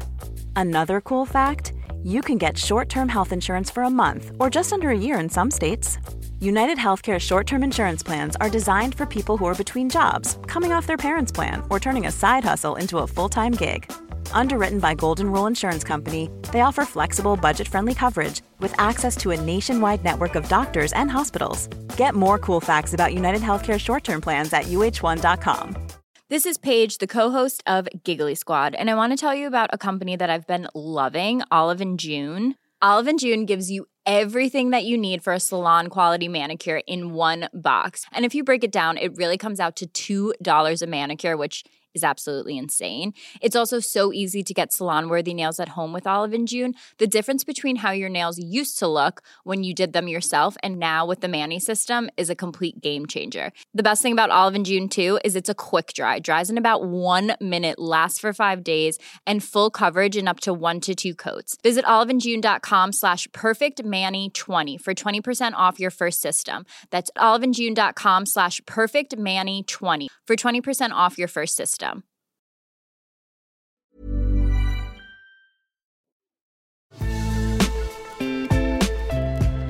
Skandalscenen utspelade sig efter Hammarbys bortamatch i Conference League med Twente när ett slagsmål utbröt på de Grolsch Vestes huvudläktare. Uppskattningsvis satt 200 svenskar på huvudläktaren där Hammarby hade en sektion för sina sponsorer och dess familjemedlemmar. Enligt Hammarbys klubbchef Rickard von Yxkull blev sponsorerna attackerade av Twente-anhängare. We had to see some sad scenes after the game and this is not the way we understand football. Uh, football game should be always a party, should be always something to to bring joy to people who is watching the game. Det var ju eh, lite laddat när ni mötte Twente, eh, minst sagt. Eh, och eh, hur- ser du på det som liksom var nere i Nederländerna? Nej, men jag kan väl bara konstatera att eh, jag kan konstatera att, att eh, om du, det här nu blir statistik ska man inte gå in på, men det finns ingen forskning här. Men, men min magkänsla är att 9 av 10 händelser, eller 95 eller 90 av 100, hur man nu vill räkna det där, 95 kanske av 100 händelser som sker i, i form av eh, ordningsstörningar som uppstår och så vidare. Och så vidare. Hade man kunnat undvika om vi som arrangörer hade gjort ett bättre jobb. Om fotbollsarrangörerna hade blivit bättre på det vi gör och varit bättre förberedda och kanske mer ödmjuka så hade man kunnat undvika en hel del av de ordningsstörningar som uppstår. Och, och hamnar det hos er eller hamnar det hos Twente eller hos er I bägge? det här fallet så hamnar jag nere i Twente då, då därför att de, eh, de var ju katastrofdåliga på arrangemanget. Det går inte att komma ifrån. De fick inte fram personal. De var ju definitivt inte ödmjuka och det, så är det ju. Eh, och det jag har framfört dem med tydlighet. Så att, eh, Hur ser du på att ni får ungefär samma bötessumma, ni, Hammarby och Twente, av Uefa? Ja, jag vet inte om jag ska ge mig in på Uefas bötessystem. Man kan säga att bötessystemet i Uefa är ändå förutsägbart. Eh, det är en matematisk fråga. Sen kan man ha åsikter om, det ger en, en eh, reell effekt, att man ger folk böter eller inte. Eh, jag hävdar att det inte gör det därför att Uefa gör det i den lagom mängd så att det fortfarande tjänar tillräckligt mycket pengar. Du får mer pengar av dem men då i andra ändan. Sen är det surt med böter.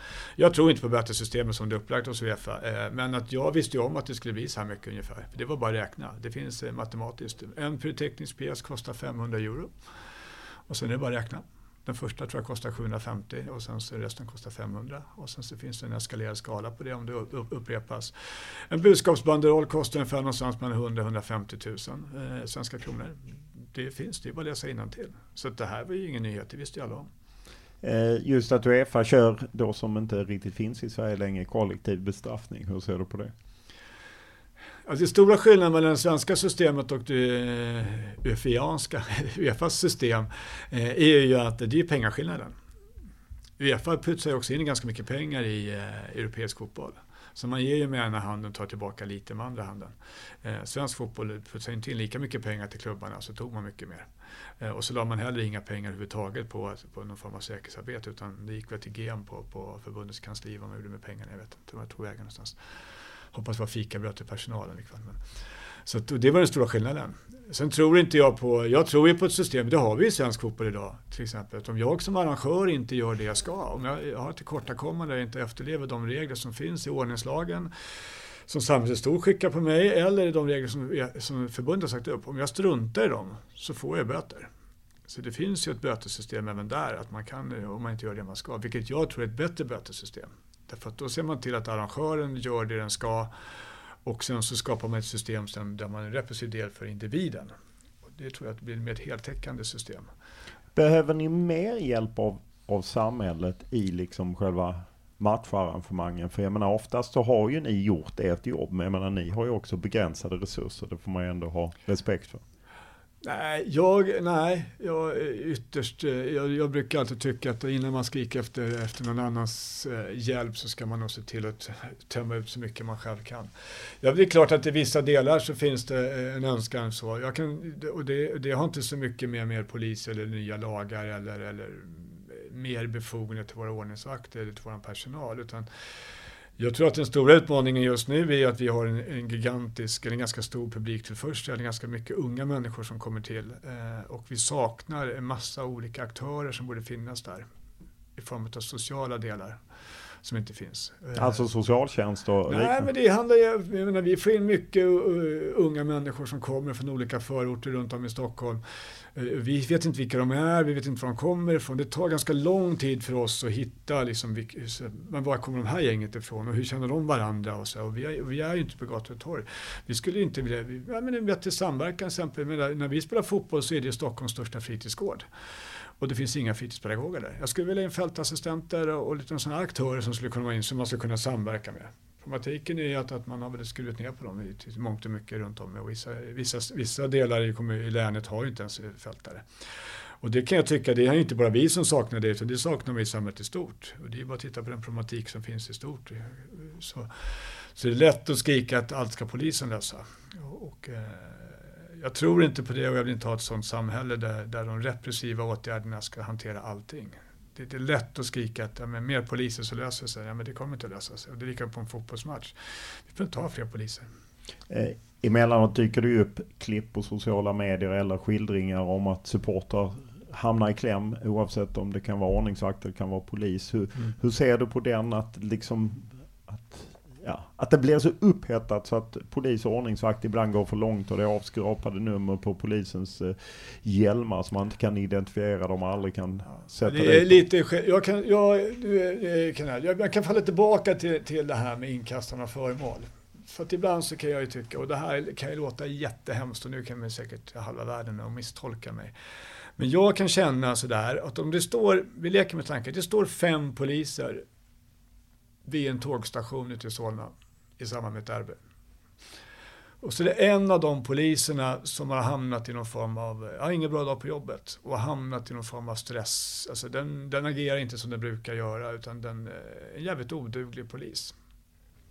Så att den polisen klappar till en fotbollssupporter som går förbi eller använder för, ja, för brösthet, som är långt ifrån vad riktlinjerna säger och det är ett lagbrott så det bara sjunger om det. Då blir det en, en diskussion som är ganska intressant.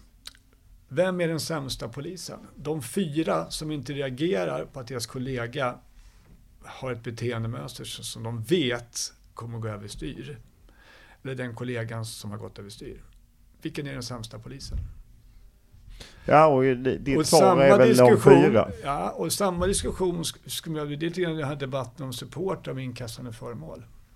Om jag har en kompis som jag går på fotboll med, som jag märker inte har en bra dag, och så har han druckit två bira till. Varför, säger, varför tar inte jag tag i honom och pratar med honom så att han inte går överstyr? För det är han som får konsekvensen, det är han som blir avstängd om vi hittar honom. Så att om jag vore en riktigt bra kompis till honom så borde jag ha stoppat honom långt innan. Och det är lite grann mina supporterdiskussioner om poliser. Så. Och det är en jäkligt hypotetiskt så det kan feltolkas, men jag tycker att det är en relevant diskussion. Men ibland kan man ju säga att ja, men om det inte hade stökat så hade det inte behövt stå så många poliser där som sen hamnar i en sån situation. Nej, men sen kan jag säga också, det handlar ju också om att Polismyndigheten har ju, och det är ju ingen hemlighet, alltså majoriteten av alla, jag utgår från att alla poliser som, majoriteten av polisen som söker till poliser, de gör för att de är humanister. Jag kan inte tänka att man söker, ytterst få, och är det någon idiot som söker till polisen för att man tycker det är kul att klappa på människor så hoppas att man gallras ut efter vägen. Men det intressanta blir, och det är lite grann som idrottsrörelsen, det intressanta blir ändå en diskussion. Hur kommer det sig att så många människor som söker till polisen som humanister efter ett par år får ett beteendemönster som inte är okej? Okay? Därför jag håller med våra supportrar. Det beteendemönster som polisen har mot supportrar, supportrar runt om i Sverige, inte alltid, det finns grymma poliser, men allt för ofta. Det beteendemönstret skulle de aldrig använda någon annanstans i vårt samhälle. Och det är en diskussion att våga ha. Problematiken att Polismyndigheten är ju precis som idrottsrörelsen. Att det är alltid den enskilda polisen man pekar på när det gått överstyr. Men för mig så blir det så här. Vi kan ta den här händelsen som, som eh, derbyt på Friends. Vi var inte ett av lagen som spelade ute med, med de här poliserna här ute. Den polisen uppenbarligen är ju helt inkompetent och har också en historia om sig. Den här enheten som har varit där ute har också haft en historia om sig. Men det man gör är att man flyttar runt de här. Istället för att ta tag i problemet så flyttar man runt det lite grann. Och nu sist så sa tydligen att polisen börjat jobba med utbildningsfrågor, vilket för mig är helt horribelt. Att du har en människa som är så, så urus i sitt arbete så att man flyttar runt den och så sätter man sig, men vad fan, det kan ju utbilda andra poliser. Det måste ju vara det sista stället man ska sätta dem på. Och jag tror att det här är, och jag tror att det är, polisen har samma problem där. Det finns många grymma poliser, men det är likadant där. Det finns, vi vågar inte prata om det här. Därför att då blir det här, ja men titta hur de beter sig. Ja men jag struntar i hur de beter sig, därför att du ska vara polis. Och du, du ska inte ha det här beteendemönstret bara för att du är på en fotbollsmatch. För det har du inte när du är här borta. Och det är likadant med supportrar. Du ska inte ha det här beteendemönstret. Därför att du beter dig inte så här borta. Och det blir en acceptans att de här beteendemönstren eskalerar mot varandra. Sen tycker jag att alltid man kan ställa högre krav mot den som har, har, har våldsmonopolet och, och, och uppgift att ta hand om lagen. Så det, kravet ska definitivt ligga där.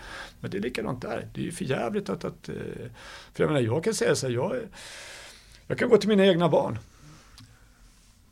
Som, eh, de, är, de har jätteåsikter om poliser på fotboll.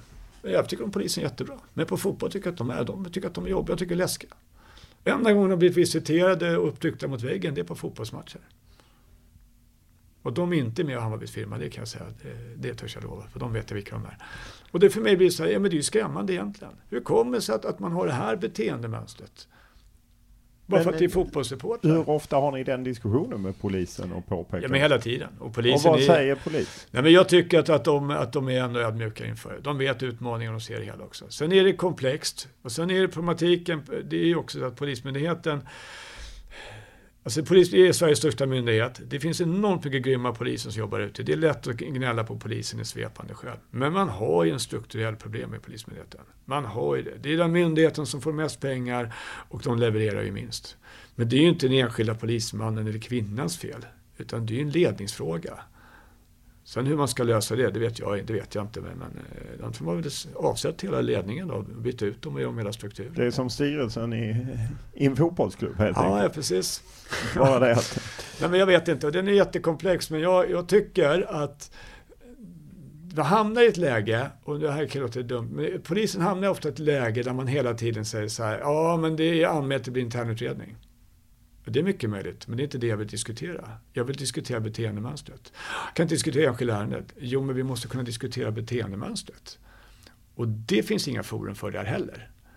Och de här två delarna där man inte kan diskutera de här sakerna, det gör att det blir krockar. Så att jag tror att det, det, de har nog en, kanske en längre resa över fotbollen har. Du eh, var ju supporter en gång i tiden. Vad var det som gjorde att du fastnade för Hammarby för länge sedan på 80-talet?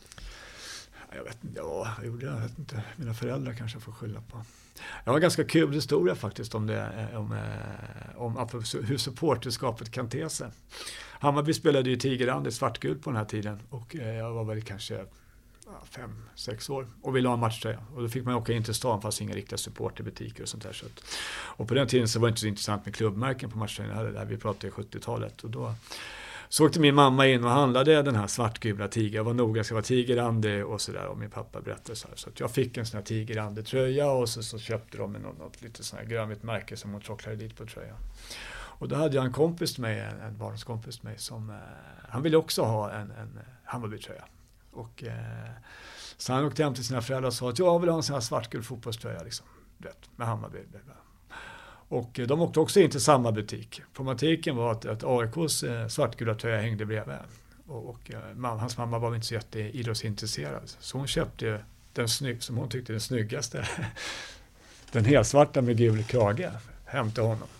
Och så blev han aik ah, okay. För morsan hade inte råd att köpa en ny tröja. Så att, för att inte göra henne ledsen så fick han bli aik Han är fortfarande aik kan Ja, det är så lätt det är. Så lätt det är. Man analyserar inte det när man Nej. är 6-7 år. Men vad var det som gjorde att du liksom söks in i den här supporterkulturen, började resa och, och liknande?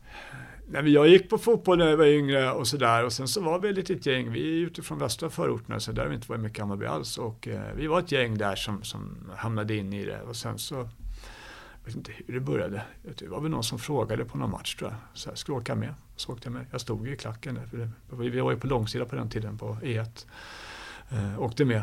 Och sen så åkte vi eh, då. Sen tyckte vi att, eh, vi var inte så gamla, så att vi tyckte att eh, Nej, men sen var det som vi tyckte att de äldre inte arrangerade rätt resor, de var för dyra och man åkte på fel sätt och, och, och sådär. Så att eh, då engagerade mig i Bayern-fans och sen så eh, tog vi tag i det. Vi var ju resa. Ja. Så kom vi på att vi tyckte att vi, då insåg vi också att det var ju dyrt att hyra. Vi tyckte att vad fan är det så dyrt för? det insåg att det kostar ju så här mycket. Så att då uh, kom vi på att då måste vi bara sälja souvenirer så att vi har råd med, med billiga resor så vi kan subventionera dem. Och på den vägen var det. Eh, vad jag förstod, jag läste en intervju du gjort med Erik Niva att du kuppade dig in eh, som ordförande ja. till Bayern Fans som 20-åring. Mm. Du lärde dig den demokratiska processen snabbt. Ja, men jag tycker det och jag tycker att det är viktigt och det är väl lite grann som ett... Eh, menar, skulle jag, skulle jag engagera, behöva engagera mig i, eh, i Hammarby till exempel som utomstående så skulle jag, jag skulle se till att komma med i valberedningen. Det, det, det är nyckeln. Alltså det är det som är så intressant med föreningsdemokrati. Hur stor okunskap det finns ute i, i, stora hela. Valberedningen är den positionen i en demokratisk förening som, som har den största makten. Till mångt och mycket. Därför att de sitter som spindeln i, i, i nätet när de ska tillsätta en tilltänkt styrelse nästa årsmöte. Och nio gånger av tio, eller inte nio av hundra, så är det valberedningens förslag som vinner. Om inte valberedningen är helt inkompetent. Så eh, ska man, vill man in och påverka en, en förening, det ska ni lyssna på alla fotbollssupportrar ute. Bli medlemmar och så ser ni till att ni eh, har en bra dialog eller själva går in i valberedningen. Det är nyckeln till att få till en bra förening. Hur eh, landade er kupp i Bayern Fans? Nej, men det landade bra. Det var en föryngringsdel också sådär. Så att eh, kupp och kupp, det var ju demokrati. Det var ju demokrati. Man röstade och så var det klart. Sen var det vissa av de här, eh, då, som jag tyckte då var gamla gubbar, de var väl säkert 20 år yngre än vad jag var idag. Men eh, de väl, tyckte att det var för jävligt. Så att, för de tyckte att det var ju deras kompisar som inte var kvar. Och sådär. Men det var ju demokrati, de var inte på årsmötet. Så att, så är det. Går man hur, hur var, inte, just för att göra en jämförelse med idag, hur var det att resa på bortamatcherna då? Hur var polisen? Hur var trycket på läktaren? Nej, men det, första det här, det här är ju innan EM 92. Det ska man veta att EM 92 var ju ändå en... Eh, jag ska inte säga att det var det var en viktig punkt i polisens utvecklingsarbete, hur man jobbar med fotbollsmatcherna. EM 92, för de som inte minns det, så var Sverige i samma grupp som England och Frankrike och det var rätt mycket kravaller. Ja, och då hade man ju en idé om, helt plötsligt började man fundera på hur fan ska vi hantera det här? Det var ju alla jublade vi fick EM och sen så, och då ska man veta att fotbollshuliganismen var ju mycket, mycket mer utbredd på den tiden. Än, än, och England hade ju varit avstängda deras klubblag. Ja, och det var Hazel-stadion och det var en massa dödsoffer och kravaller och upplopp. Det var ju en helt annan supporterkultur. Så då började ju polisen och, och eh, skulle börja träna inför det här. Och då helt plötsligt insåg man att det gick inte, innan så tog man in, vi har åtta poliser, så kom de här två i en bil och så kom de andra två i sin bil. Och helt plötsligt så skulle man ju samordna de här grejerna. Så det var EM där var ju första gången. Det var en jätte, det går inte att jämföra. Jag hittade ett gammalt papper, eller när vi höll på att rensa ut här i lite arkiv och sånt, så hittade jag en sammanställning från eh, Polismyndigheten från, jag tror att det är 1994 kanske kan det vara det? Ja, 94. Hammarby spelade ungefär i division 1 norra. Eh, jag tror det är 26 matcher spelar man, det är 13 bortamatcher på ett år. Eh, utav dem så var nio utanför Stockholm. Och eh, jag tror det var nio, åtta eller nio utav matcherna så var det våldsamma upplopp. Och man grep i snitt 32 eller 33 människor per match på bortaplan. Per match. Ja, det är ju så klara papper att det var annan, helt annan sätt att jobba och en helt annan problem. Och då ska man också veta att eh, publiksiffrorna på den tiden var ju inte Markant lägre. Ja, oj, oj, oj, jag tror Hammarby hade ett par tusen och så. så. Så det var ju som natt och dag.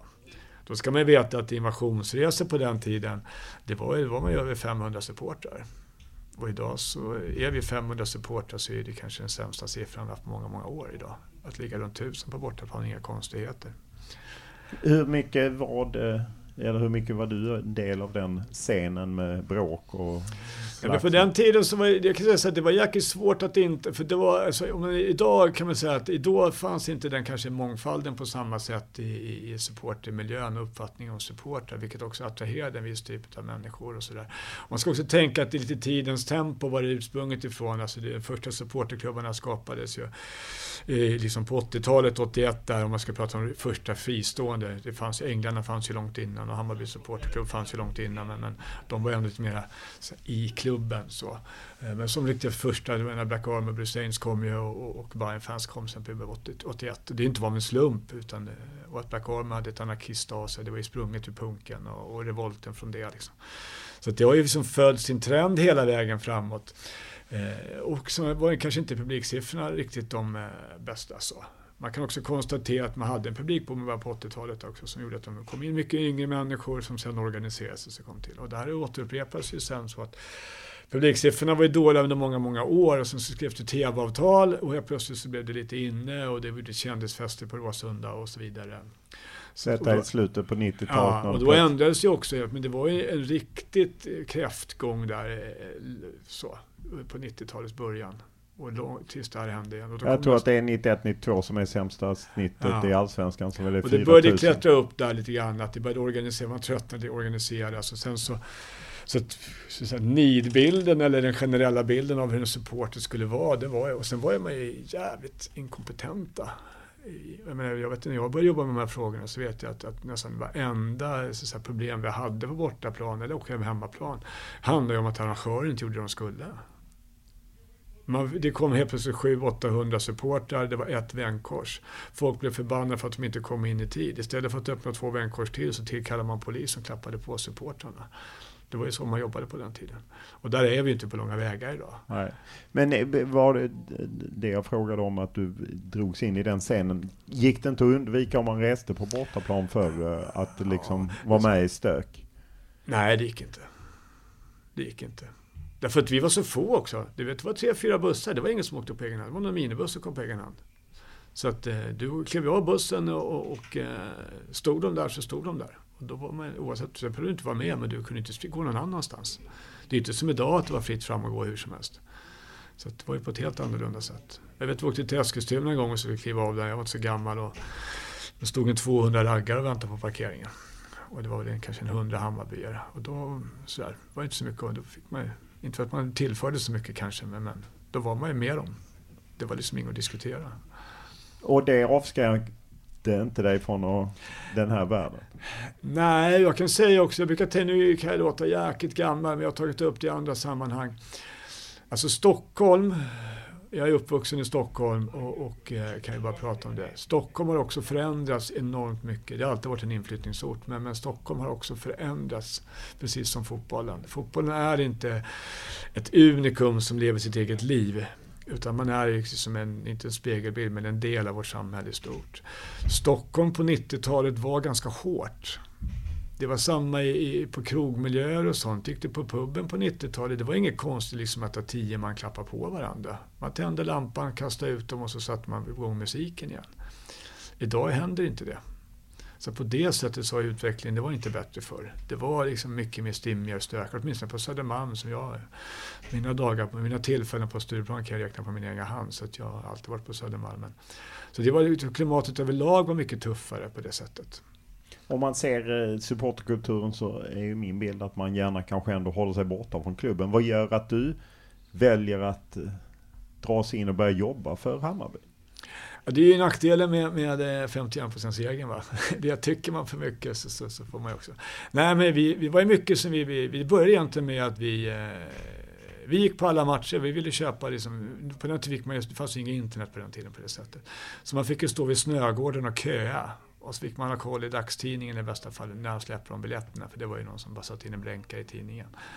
Och eh, vi var rätt trötta på att åka upp till Snögården och ställa oss och köa. Vad är Snögården? Det var en stor biljettförsäljning där uppe vid, för hovet och Söderstaden, hette Snögården. Alla som bor, har varit i min ålder vet vad Snögården är. Ja, jag är ledsen. Ja, där fick man stå ikväll och köa och, liksom, och jag fick åka då från liksom andra sidan stan in och så för varenda match jag skulle gå på. Och vi gick ju på hockey och allting och så det var ett jävla köande hela tiden åkande. Det var ju kul för man träffade sina kompisar. Men så kom vi på idén att för fan, vi, vi vill köpa biljetter till alla matcherna. Så jag och några polare drog ner till eh, Kanalplan, då, i Gula Villan, där Hammarbys eh, kansli låg. Och så sa vi att eh, vi vill köpa alla 13 matcher på en gång. Och det gick inte. Och då så tyckte vi att jo, men vi vill köpa det. Nej, det är för mycket administration och så vidare. Och det gick inte, det fanns inte biljetter och det var inte klart. Och, så.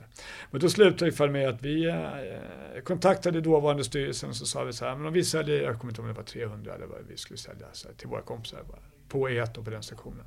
Kan vi köpa ut allihopa? Kan ni göra det jobbet då? Och då sa de ja, så då gick vi runt och sålde vi till alla våra kompisar. Jag tror vi sålde, nu är det många biljetter, men ganska mycket då, biljetter då var första gången säsongskort. Vi fick ut 13 olika, så satte vi upp dem, typ buntade ihop dem och så gick vi och sålde dem på läktarna åt Hammarby. För att vi själva skulle slippa köa. Det tog jag. Och på den vägen var det.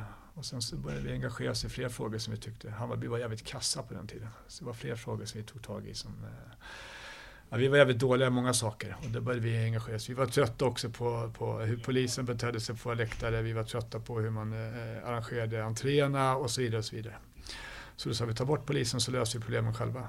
Och då gjorde vi det. Så tog man bort polisen och så fick vi frihet under ansvar. Som vi sen självklart missbrukade. Så att polisen kom tillbaka sen, men det är en annan sak. Hur missbrukade ni det? Nej, men det blev stimmigt och stökigt antar jag. Vi, vi, hade, vi, vi höll inte vad vi lovade, så enkelt är det. Och, och, då, och man släppte ju helt löst loss, vilket man inte ska göra. Man måste hitta, man kan backa bak, men man, eh, man måste också utgå för att människor kommer att, att göra bort sig. Eh, hur har liksom har du funderat på att du har ju i olika perioder jobbat då för Hammarby nu väldigt länge. Har du funderat på att lämna det eller är det, finns det något som gör att det ändå drar fortfarande? Nej, och jag, brukar, jag, ska säga, jag brukar säga till människor, och det, och det ljuger jag inte ens, jag kan säga att, att jag älskar mitt jobb. Det är, att vara föreningsanställd, nu är jag i och för sig bolagsanställd, men, men det är en som är en föreningsmiljö. Det är inte, det är inte ett eh, 40 timmars jobb där du jobbar liksom 9 till 5. Utan det är så jag har min första lediga helg på, på mycket, mycket länge i helgen. Så att, jag vet inte vad jag ska göra i helgen. Så det är något konstigt. Vi spelar in i samband med att det är landskampsuppehåll. Ja, precis. Det är landslagsuppehåll nu för herrarna. Så att, och det är lite ovant. Så här. Men nej, jag kan säga att jag, jag är så att jag, jag har bestämt mig för ett, jag ska aldrig glömma bort var jag kommer ifrån. Jag ska aldrig glömma bort varför jag har drivkraften att jobba i Hammarby. Det låter jäkligt klyschigt, men jag har med mig det hela tiden. Och jag tänker så länge det finns saker som jag kan utveckla och göra bättre inom det jag håller på med, och jag håller inte på med, med sporten, sportsliga delarna, så kommer jag fortsätta. Men jag har lovat mig själv också att jag ska aldrig bli en som sitter och vänder papper på mig för att säga upp mig och slutar. Och eh, jag var på väg och slutade eh, innan jag skulle första nya arena. Då kände jag lite fed up på Bayern. Så vi hade varit uppe och vunnit guldet och vi, vi började igen, så vi gick lite dåligt och sen så höll vi på att åka ut. Och så åkte vi ut och sen så gick vi upp och så kände jag så här, fan, jag vet vad som krävs. Pallar jag en runda till? Och då var det inte något nytt, utan ska vi återupprepa det gamla. Men då vet jag, någonstans där i vevan, jag kommer exakt vilken ordning, så kom Patrik Ljungström till mig och eh, jag hade pratat, vår gamla marknadschef. Och som då, ju tyvärr gått bort. Ja, och då pratade jag med min gamla marknadschef och jag sa till honom att jag är rätt fed up på det här nu, jag tror att jag ska sluta. Och då eh, gick det ett par dagar och så kom han bara, har du tid? Du måste lyssna på det här, jag har en galen idé. Och då eh, levererade han eh, att eh, antingen skulle vi bygga ut Söderstadion eller så skulle vi bygga en ny arena. Och eh, det var så jävla galen så att eh, han, var, han var en doer av rang. Så att jag sa att ja, absolut, ja, så jag bestämde mig att ja, den där resan ska jag vara med på. Och sen började vi jobba med det. Vi var några stycken som höll på och sprang och träffade politiker och, och, och, och hela projekteringen fram då till där så, tills det är klart. Till Tele2 heter det. Ja, och det var ju drivkraften där. Och då fick jag ta ett nytt beslut. Så här, ja, okej, men nu har vi kommit hit. Och då tänkte jag, vad fan, jag vill nog vara med på resan att vi flyttar från den gamla arenan till den nya arenan och se hur långt det går att liksom tänja det. Jag kommer ihåg att Patrik stod på ett, ett informationsmöte vi hade och målade, skulle sälja in den här idén eh, och målade upp en bild av att vi i Hammarby skulle ha, men det var 16 eller 18 000 i snitt. Och folk satt och skrattade åt honom. Det är lite intressant faktiskt. Ja, när, vi idag, det är det ju. när vi idag säljer 16 000 säsongsbiljetter och har tak på det och ett snitt över 20 000 så.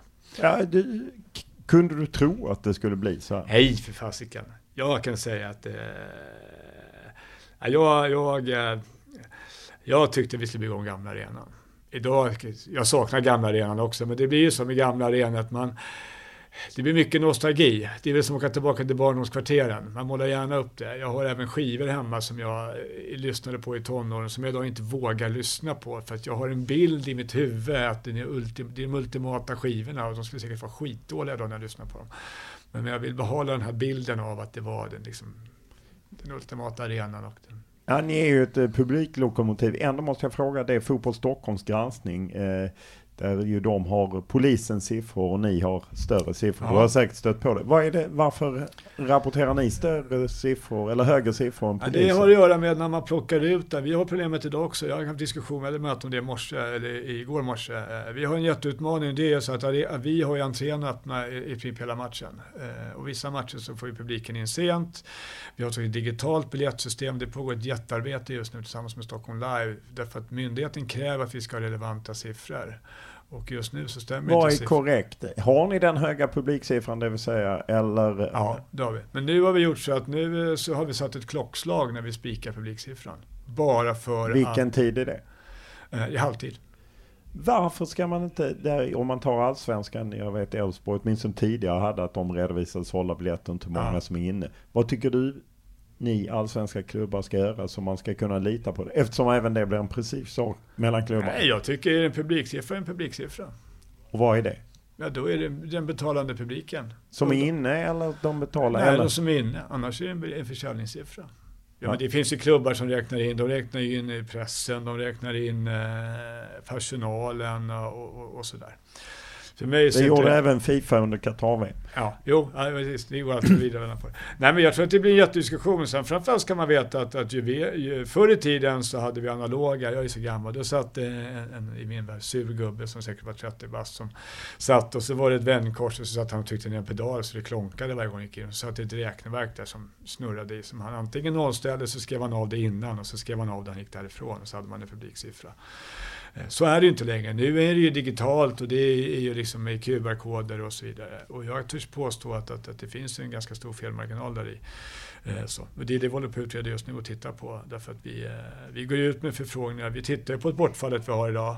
Eh, och så tittar vi, går ut för frågan och tittar på där folk vittnar om att de är där och biljetterna, de, vi träffar ju på dem på plats men biljetten är inte inskannad och sådär. Och det kan man tycka att det är inte hela världen så. Alltså det är ingen som, du vinner inga guld på, på du vinner inga medaljer kommit ut i Europa på några publiksiffror. Men det är ju en utmaning dels för oss som jobbar med evenemangen därför att vi behöver ta ut en, en, en rätt personalstyrka. Det är inte så att vi gödslar med personal. Vi har utrymningsdelar som ska fungera och den anpassas utifrån liksom förväntad publikbild och så vidare. Och skulle det visa sig att vi har ett, ett x antal tusen för mycket inne till exempel så, så är, kan det bli en fara i sig. Så det pågår ett arbete nu tillsammans med Stockholm Live där vi, det är en viktig fråga för oss att få till det. Så jag kan bara konstatera att, att eh, jag ser vad slutsiffrorna är och jag ser det vi går ut med och slutsiffrorna på en eh, besökare inne på arenan är högre än det vi går ut med just nu. Det är ingen viktig fråga men jag vet att det är en jätteviktig fråga till supportervärlden. Men utifrån det jag jobbar med säkerhetsmässigt så är det marginella skillnaden. Det är inte så att det är tusental just nu. Hur ser det ut på damfotbollen som ju också fått kanske rider på ert publiksving eh, i Hammarby och jag menar de vann kuppen och eh, jagar i toppen och, och så. Hur, hur ser du på det och skillnad i, i kultur på, på läktaren där? Jag tycker, alltså jag, jag eh, jag ska hitta ett sätt att uttrycka mig för att inte det här ska landa fel hos folk.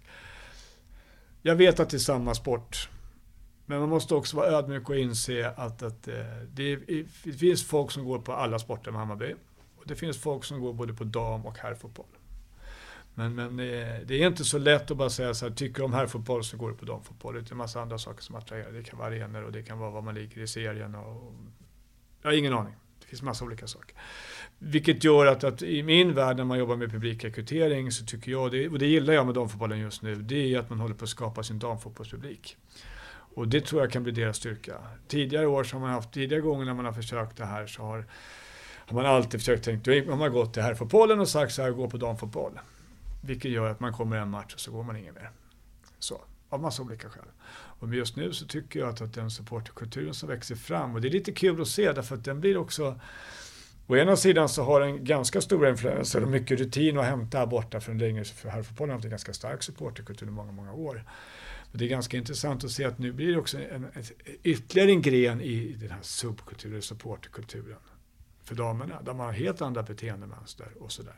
Ja, och det finns ju en diskussion. Jag menar, Hedvig Lindahl har ju drivit det. Hon var ju bara här, Häromveckan i en intervju med Nora Bachner och hon har ju tidigare pratat, jag var med i en debatt eh, vid Lira, där hon pratar om det att vi ska inte kopiera herrarna. Hon vill inte ha hatet, hon vill inte ha alltså det som är noga. Tror du att det går ens att, dra den skiljelinjen och är det önskvärt? Nej, men jag tror att det går att dra, dra den skiljelinjen. Däremot så tror jag att, att, att om damfotbollen, eh, eller vi som jobbar med damfotbollen, inte gör om det misstag vi gjorde på herrsidan då, så är det väl klart att det blir en bra diskussion. Ja, men det finns helt andra utmaningar för damfotbollen än vad det finns för herrarna. Det som ska få in publiken och det som... Jag tycker det är jättebra att man har den diskussionen. Och framförallt så det har ju fått mig att belysa lite grann. Ja, men jag, är själv, jag går ju på båda, båda de idrotterna, eh, eller båda, på båda arenorna, både på Kanalplanen, Hammarby och på Tele2 Arena.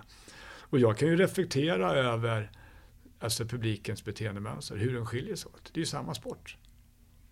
Ja, och vad tror du det beror på? Är det bara vi män så att säga? För det är ju ja, mer jag män. tror ibland, Ja, precis. Och, jag, och, vi män i grupp har ju en tendens att vara jävligt korkade. Ja, men jag tror att det finns en acceptans, lite så. Jag tror det är lite som... Jag är, jag är ju också den som är pro att ta bort så mycket staket som möjligt inne på arenan. Därför att jag hävdar ju att människor eh, ändrar beteendemönster utifrån sin omgivning. Sätter du in bara män i en viss oskön ålder i grupp då är det lätt att det blir bara överkroppar, lite lönnfeta med, med några bleknade tatueringar och lite bira. Men fyller du på där med lite yngre människor, lite äldre människor, killar för all del, så, så tar, blir det ett ansvarstagande plötsligt. Då ska man fostra in den yngre och man visar respekt för den äldre. Och lyfter du sen in lite ungar på det, ja men då blir det ännu, och helt plötsligt så blir de där äh, tio, då i min ålder då, lönnfeta snubbarna, vi som står där med blekta tatueringar, helt plötsligt så slutar vi vara ganska osköna. Därför vi får ett ansvarstagande för vår omgivning och vill att det där ska bli lite bysamt. Och jag tror att det är lika. Därför tror jag att man är, är mångfalden. Men vi killar har ju en tendens. Men är du rädd att den, de negativa sidorna tar sig in i damfotbollen? Det var ju ett derby på stadion mellan Djurgården och Hammarby där det var ju stök i några som fick bli misshandlade och så. Ja men det är klart att den rädslan finns där och sen så kan man veta att supporterrivaliteten som finns, eh, den finns ju där i latent. Och den ska ju finnas där. Det, vore ju skit, det är därför derbyn är derbyn. Det vore ju skittråkigt att gå på ett derby om det inte fanns någon rivalitet. Eh, om Hammarby A och B mötte varandra, det vore inte så jävla kul att kolla på. Så den finns ju där. Nej, men den, och det här problemet finns ju redan på damerna. Alltså förutsättningarna för att det ska eskalera på damerna finns ju där också, precis som överallt. Vi är människor. Och jag tror att, att det är miljön och det är det som jag tycker är så intressant. Att, att det, det är miljön som skapar förutsättningar till mångt och mycket. Därför jag vägrar att tro att, att den, jag vägrar att tro att de människor som väljer att inte bete sig alla gånger på, på en fotbollsmatch, de har inte det här beteendemönstret någon annanstans. Majoriteten av dem är, är sköna lirare som, som är jävligt trevliga och, och bjuder en på middag och så vidare. Och jag vet inte om det är så att det här är ett surrogat. Men när de kommer dit så plötsligt så eh, kan man ju tro, fan du är ju på gång psykolog som du beter dig. Och det är någonting som gör att det finns en acceptans för det och det är det där som jag tror är nyckeln i. Och det tror jag också blir nyckeln för damfotbollen, att inte hamna i, i den. För det är lätt också att, säga, att kopiera över, och det ser vi också när, när eh, Norrköping, eller Hammarby, eller Malmö för den delen, eller Djurgården eller AIK också. När, när man så säga, kommer mycket folk och det är här fotbollens publik som kommer, då kommer också ett visst beteendemönster in. Då är det mycket eh, grövre ord blir det, det är pyroteknik på ett annorlunda sätt, det är mer maskeringar och så vidare. Och, så vidare. och det är kanske ingenting som vi reflekterar över för att det är sån Dels tycker jag det är en ganska försvinnande liten del i det stora hela på en här fotbollsmatch. Men på en damfotbollsmatch så blir det så jävla påtagligt därför att det finns inte samma stora mängd av publik. Så det beteendemönstret lyser ju fram. Det är som att lyfta fram de största avarterna på, på, i beteendemönster på en Hammarbyfotbollsmatch och, och ta med det på eh, ner på sinken på division 4-match så är det klart att man skulle reagera. Eh, du nämner ju själv att du är eh, föreningsanställd men egentligen bolagsanställd. Hur ser du på det att liksom Hammarby under din resa blivit först Anschut som gick in och, får man väl ändå säga, räddade klubben när man satte in lite pengar och köpte aktier och sen då till och med Zlatan Ibrahimovic som är eh, indirekt delägare av Hammarby. Ja, Nej, men jag, jag, jag tycker ju att jag, hade jag fått bestämma hade det aldrig hänt. Så enkelt är det ju. Eh, och det, ja, man skötte ju verksamheten så illa så att man hade inga alternativ just då, där och då. Då var de ju en räddare, det är ju ingen hemlighet. Eh, och därför tycker jag att, att i en klubb som Hammarby så är det än viktigare med föreningsdemokratin. Nu har ju vare sig de eller, eller Zlatan så mycket att säga till om i och med att det är föreningen som, som styr verksamheten och äger majoriteten. Så att, i styrelserummet och sådär sitter och har majoritetsröster överallt. Så att, men hur känner du kring liksom Zlatan Ibrahimovic sitter i någon loge när ni vinner kuppen eller att han liksom ändå är, ja, han vill göra Hammarby till Skandinaviens största klubb. Är det en hjälp du vill ha? Jag lägger inte in någon större. Jag, kan, jag har inte ens reflekterat för det, så jag tycker sådär att jag, jag känner att han är så... Eh, det är hans grejer och hans liv liksom. Jag tror att det, ibland så... Jag tror att vi människor skulle må bra av att behandla andra människor som vem som helst. Lite så. Vill du att Hammarby driver på och försöker köpa ut Anschutz och Zlatan Ibrahimovic? Jag tycker att medlemmarna ska äga Hammarby till 100 procent, absolut. Är det värt eh, de miljoner som det skulle kosta? Jag tror att, att det skulle lösa sig själva när man väl hamnar där. Det tror jag. Skulle man hamna i det läget så, så det tror jag att alla, det är väl klart att man, man vill att, att, att ja absolut, alla dagar i veckan. Och jag tror att det skulle lösa sig. Sen så är det till vilket pris självklart. Jag menar, finns inte de ekonomiska musklerna att kunna hantera det så, så, så kan man inte göra det. Därför att i slutändan så är det kapitalet som styr. Men, men nej, jag tycker absolut, jag tycker vi ska vara 100% medlemsägda. Jag kan tycka också mångt och mycket, men då är vi inne på ideologiska diskussioner om det ska finnas bolag eller inte och, och, och sådär i, i föreningsverksamheten. Så att, ja, det är en gammal gubbe där, jag kan tycka att vi ska vara... Men sen blir det en diskussion också sådär om, om eh, man kan ju roa sig med att lysa igenom all svensk fotbolls eh, topplagens eh, olika bolagskonstruktioner och så vidare så kan man ju bara konstatera hur mycket medlemsägda är vi alla gånger. Så, och det är en ganska intressant diskussion som inte heller tycker jag får komma till tals. Så. Du menar att det kommer in eh, bolagskonstruktioner, det kommer in kapital och att de då bestämmer? Ja, precis. Och, och, och man är extremt kommersiella i vissa delar och så ska man ändå vara ideella. Jag menar, sen, sen kan man ju säga, och det är snarare så här, kan man vara ideell förening och omsätta 500 miljoner? Och göra ett par hundra miljoner i vinst? Du menar Malmö FF? Heter det. Ja, eller Hammarby. Vi hade, vi hade gjort likadant. Ja. Det är likadant där. AIK, Djurgården. Det är bara att ta Göteborg. Nu kanske, Men vad är nu, ditt kanske, svar? nu kanske Malmö bäst på att hålla koll på stålarna. Så då ska mm. man väl vad är ditt svar på frågan? Du tycker inte det alltså? både ja och nej. För jag menar, om man blickar ännu längre ut bland de mest kommersiella klubbar som jag har besökt, det är ju Bayern München som ju är medlemsägd. Eh, och omsätter mycket mer än eh, Malmö FF exempelvis. Ja, jag kan tycka, och, och, det, och det, kan det här det kan låta lite konstigt, men jag kan tycka till exempel, jag kan tycka att, att jag tycker att den ideella föreningsstrukturen som vi har i Sverige, den är fantastisk. Den är, den är unik och den är helt fantastisk. Var den kommer ut i Europa och, och så berättar du om våra, våra breddverksamhet som sker i vilken, i vilken vardag som helst, alla dessa hjältar, oavsett om det är Hammarby eller liksom den lokala kvartersklubben. Så de är helt imponerade. Jag vet att vi var över i, i, eh, i, England här och träffade en hel del klubbar och eh, de sista bara, varför kommer ni hit? Det är vi som ska besöka er. Det här är helt fantastiskt det ni berättar. Och det var någonting som vi typ berättade ja, över en öl då, på puben för dem. Så dagen innan, de bara, vänta men jobbar ni med det här? Så det slutade med att vi stod och informerade dem om hur vi jobbade med vår... Liksom. Och jag kan tycka att, att hade jag, och nu går jag mig kanske emot min egen, min egen rörelse. Hade jag varit eh, politiker och, och, jobbat för Skatteverket och allt vad det är för någonting. Så hade jag sagt till våra ideella sagt att ska ni ha, behålla den här statusen som, och förmånen att vara ideella, som ändå innebär att ha en ideell föreningsstruktur. Så skulle jag också sätta in en hel del krav. Jag skulle kräva en breddverksamhet. Jag skulle kräva att man bedriver verksamheten seriöst och så vidare. Så vidare. Därför att vore det så att, att en klubb bara har en elitverksamhet och oavsett vad, och tjäna pengar på det. Och sen så slipper man en massa skatteregler för att man är ideell. Då skulle jag säga så här, då, nej, det är inte okej. Okay.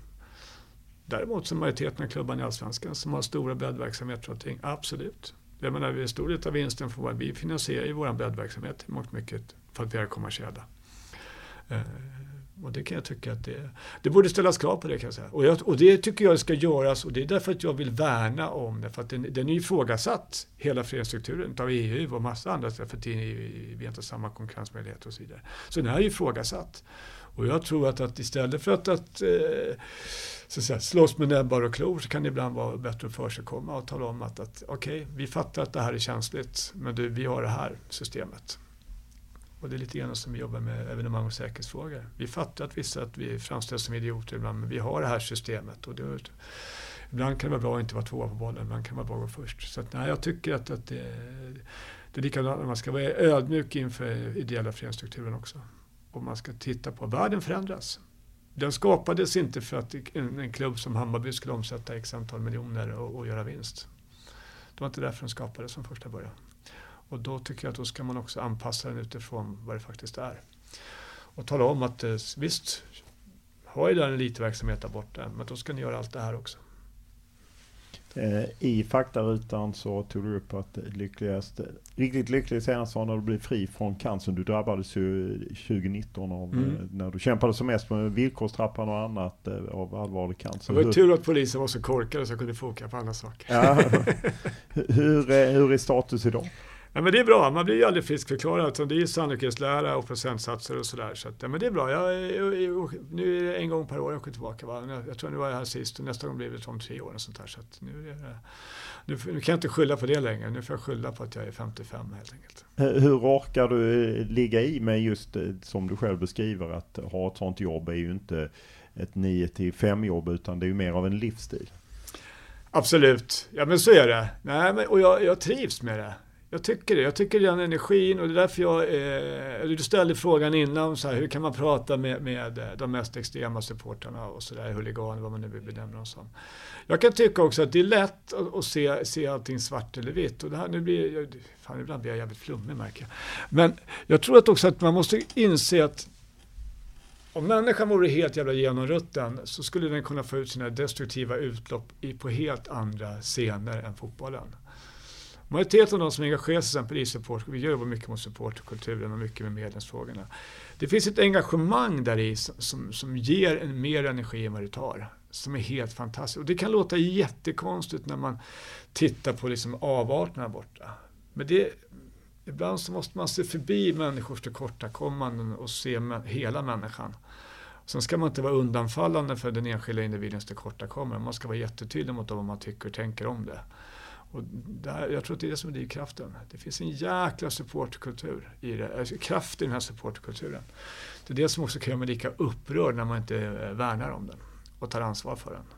För att det är inte, det är inte SFSUs ansvar eller enskilt eller bayern fans eller den enskilda ultrasgrupperingen utan för alla, alla vi människor som går på fotboll och liksom värnar om 51%-reglerna och tycker att vi ska ha medbestämmande rätt vi har fasiken också ett ansvar att ta, att, ta, att ta hand om det här och förvalta det. För jag vill inte bli ihågkommen som den generationen som kraschade supportkulturen. Så att det kom ut något annat av det. Det handlar liksom om att utveckla den och det är drivkraften. Jäkligt flummigt det där blev det men... Ja, jag greppar det. Sista frågan bara. Är du fortfarande så att ni firar 33 poäng? Eh, ja, absolut. Så att ni inte ska åka ut? Ja, ja det kommer jag alltid göra. Och, och det är Eh, jag inser också att vi, vi eh, Hammarby blir större och större, vi blir fler och fler. Eh, och jag inser att jag är medarbetare som aldrig har varit med att Bayern åker ut, vilket för mig är helt jättekonstigt. Ett av föreslog, vi åkte ut så ofta, för er som inte vet om det, att jag föreslog att vi skulle ha vet Lipton te på tröjorna, för vi var ju upp och ner som en tepåse i, i seriesystemen. Jag tror, eh, om jag inte har helt fel, att vi har svenskt rekord att åka ur allsvenskan. Jag tror också att vi har svenskt rekord att gå upp i allsvenskan. Men jag har ju medarbetare här som inte, har aldrig upplevt det. Och jag vet vad det innebär när man åker ut. Dels så mår man dåligt för att man åker ut, så tar det ungefär en vecka och sen så får alla kalla på ett möte och så blir alla varslade. Och man vet att det är 70% av personalstyrkan kommer ryka och så vidare. Så det handlar inte bara om att man ska spela en annan serie, det handlar ju också om att folk blir arbetslösa och så vidare. Och det råkade jag informera mina glada medarbetare som aldrig sett Bayern åka ur, att det kan faktiskt hända. Och så att vi skulle fira 33 poäng. Och de undrar varför då? Det är väl ingenting att fira? Jo, så här, för fasiken vet du, vi slipper bli, arbets- bli varslade i, i november. Det är skitkul att fira det. Så att, nej, jag gör det. Jag kommer nog alltid göra det. Jag har ju varit med några gånger och sett oss ja. ur. Det är ju ändå skönt med att man har eh, en del erfarenheter. Stort tack för att du ställde upp. Det var så lite så.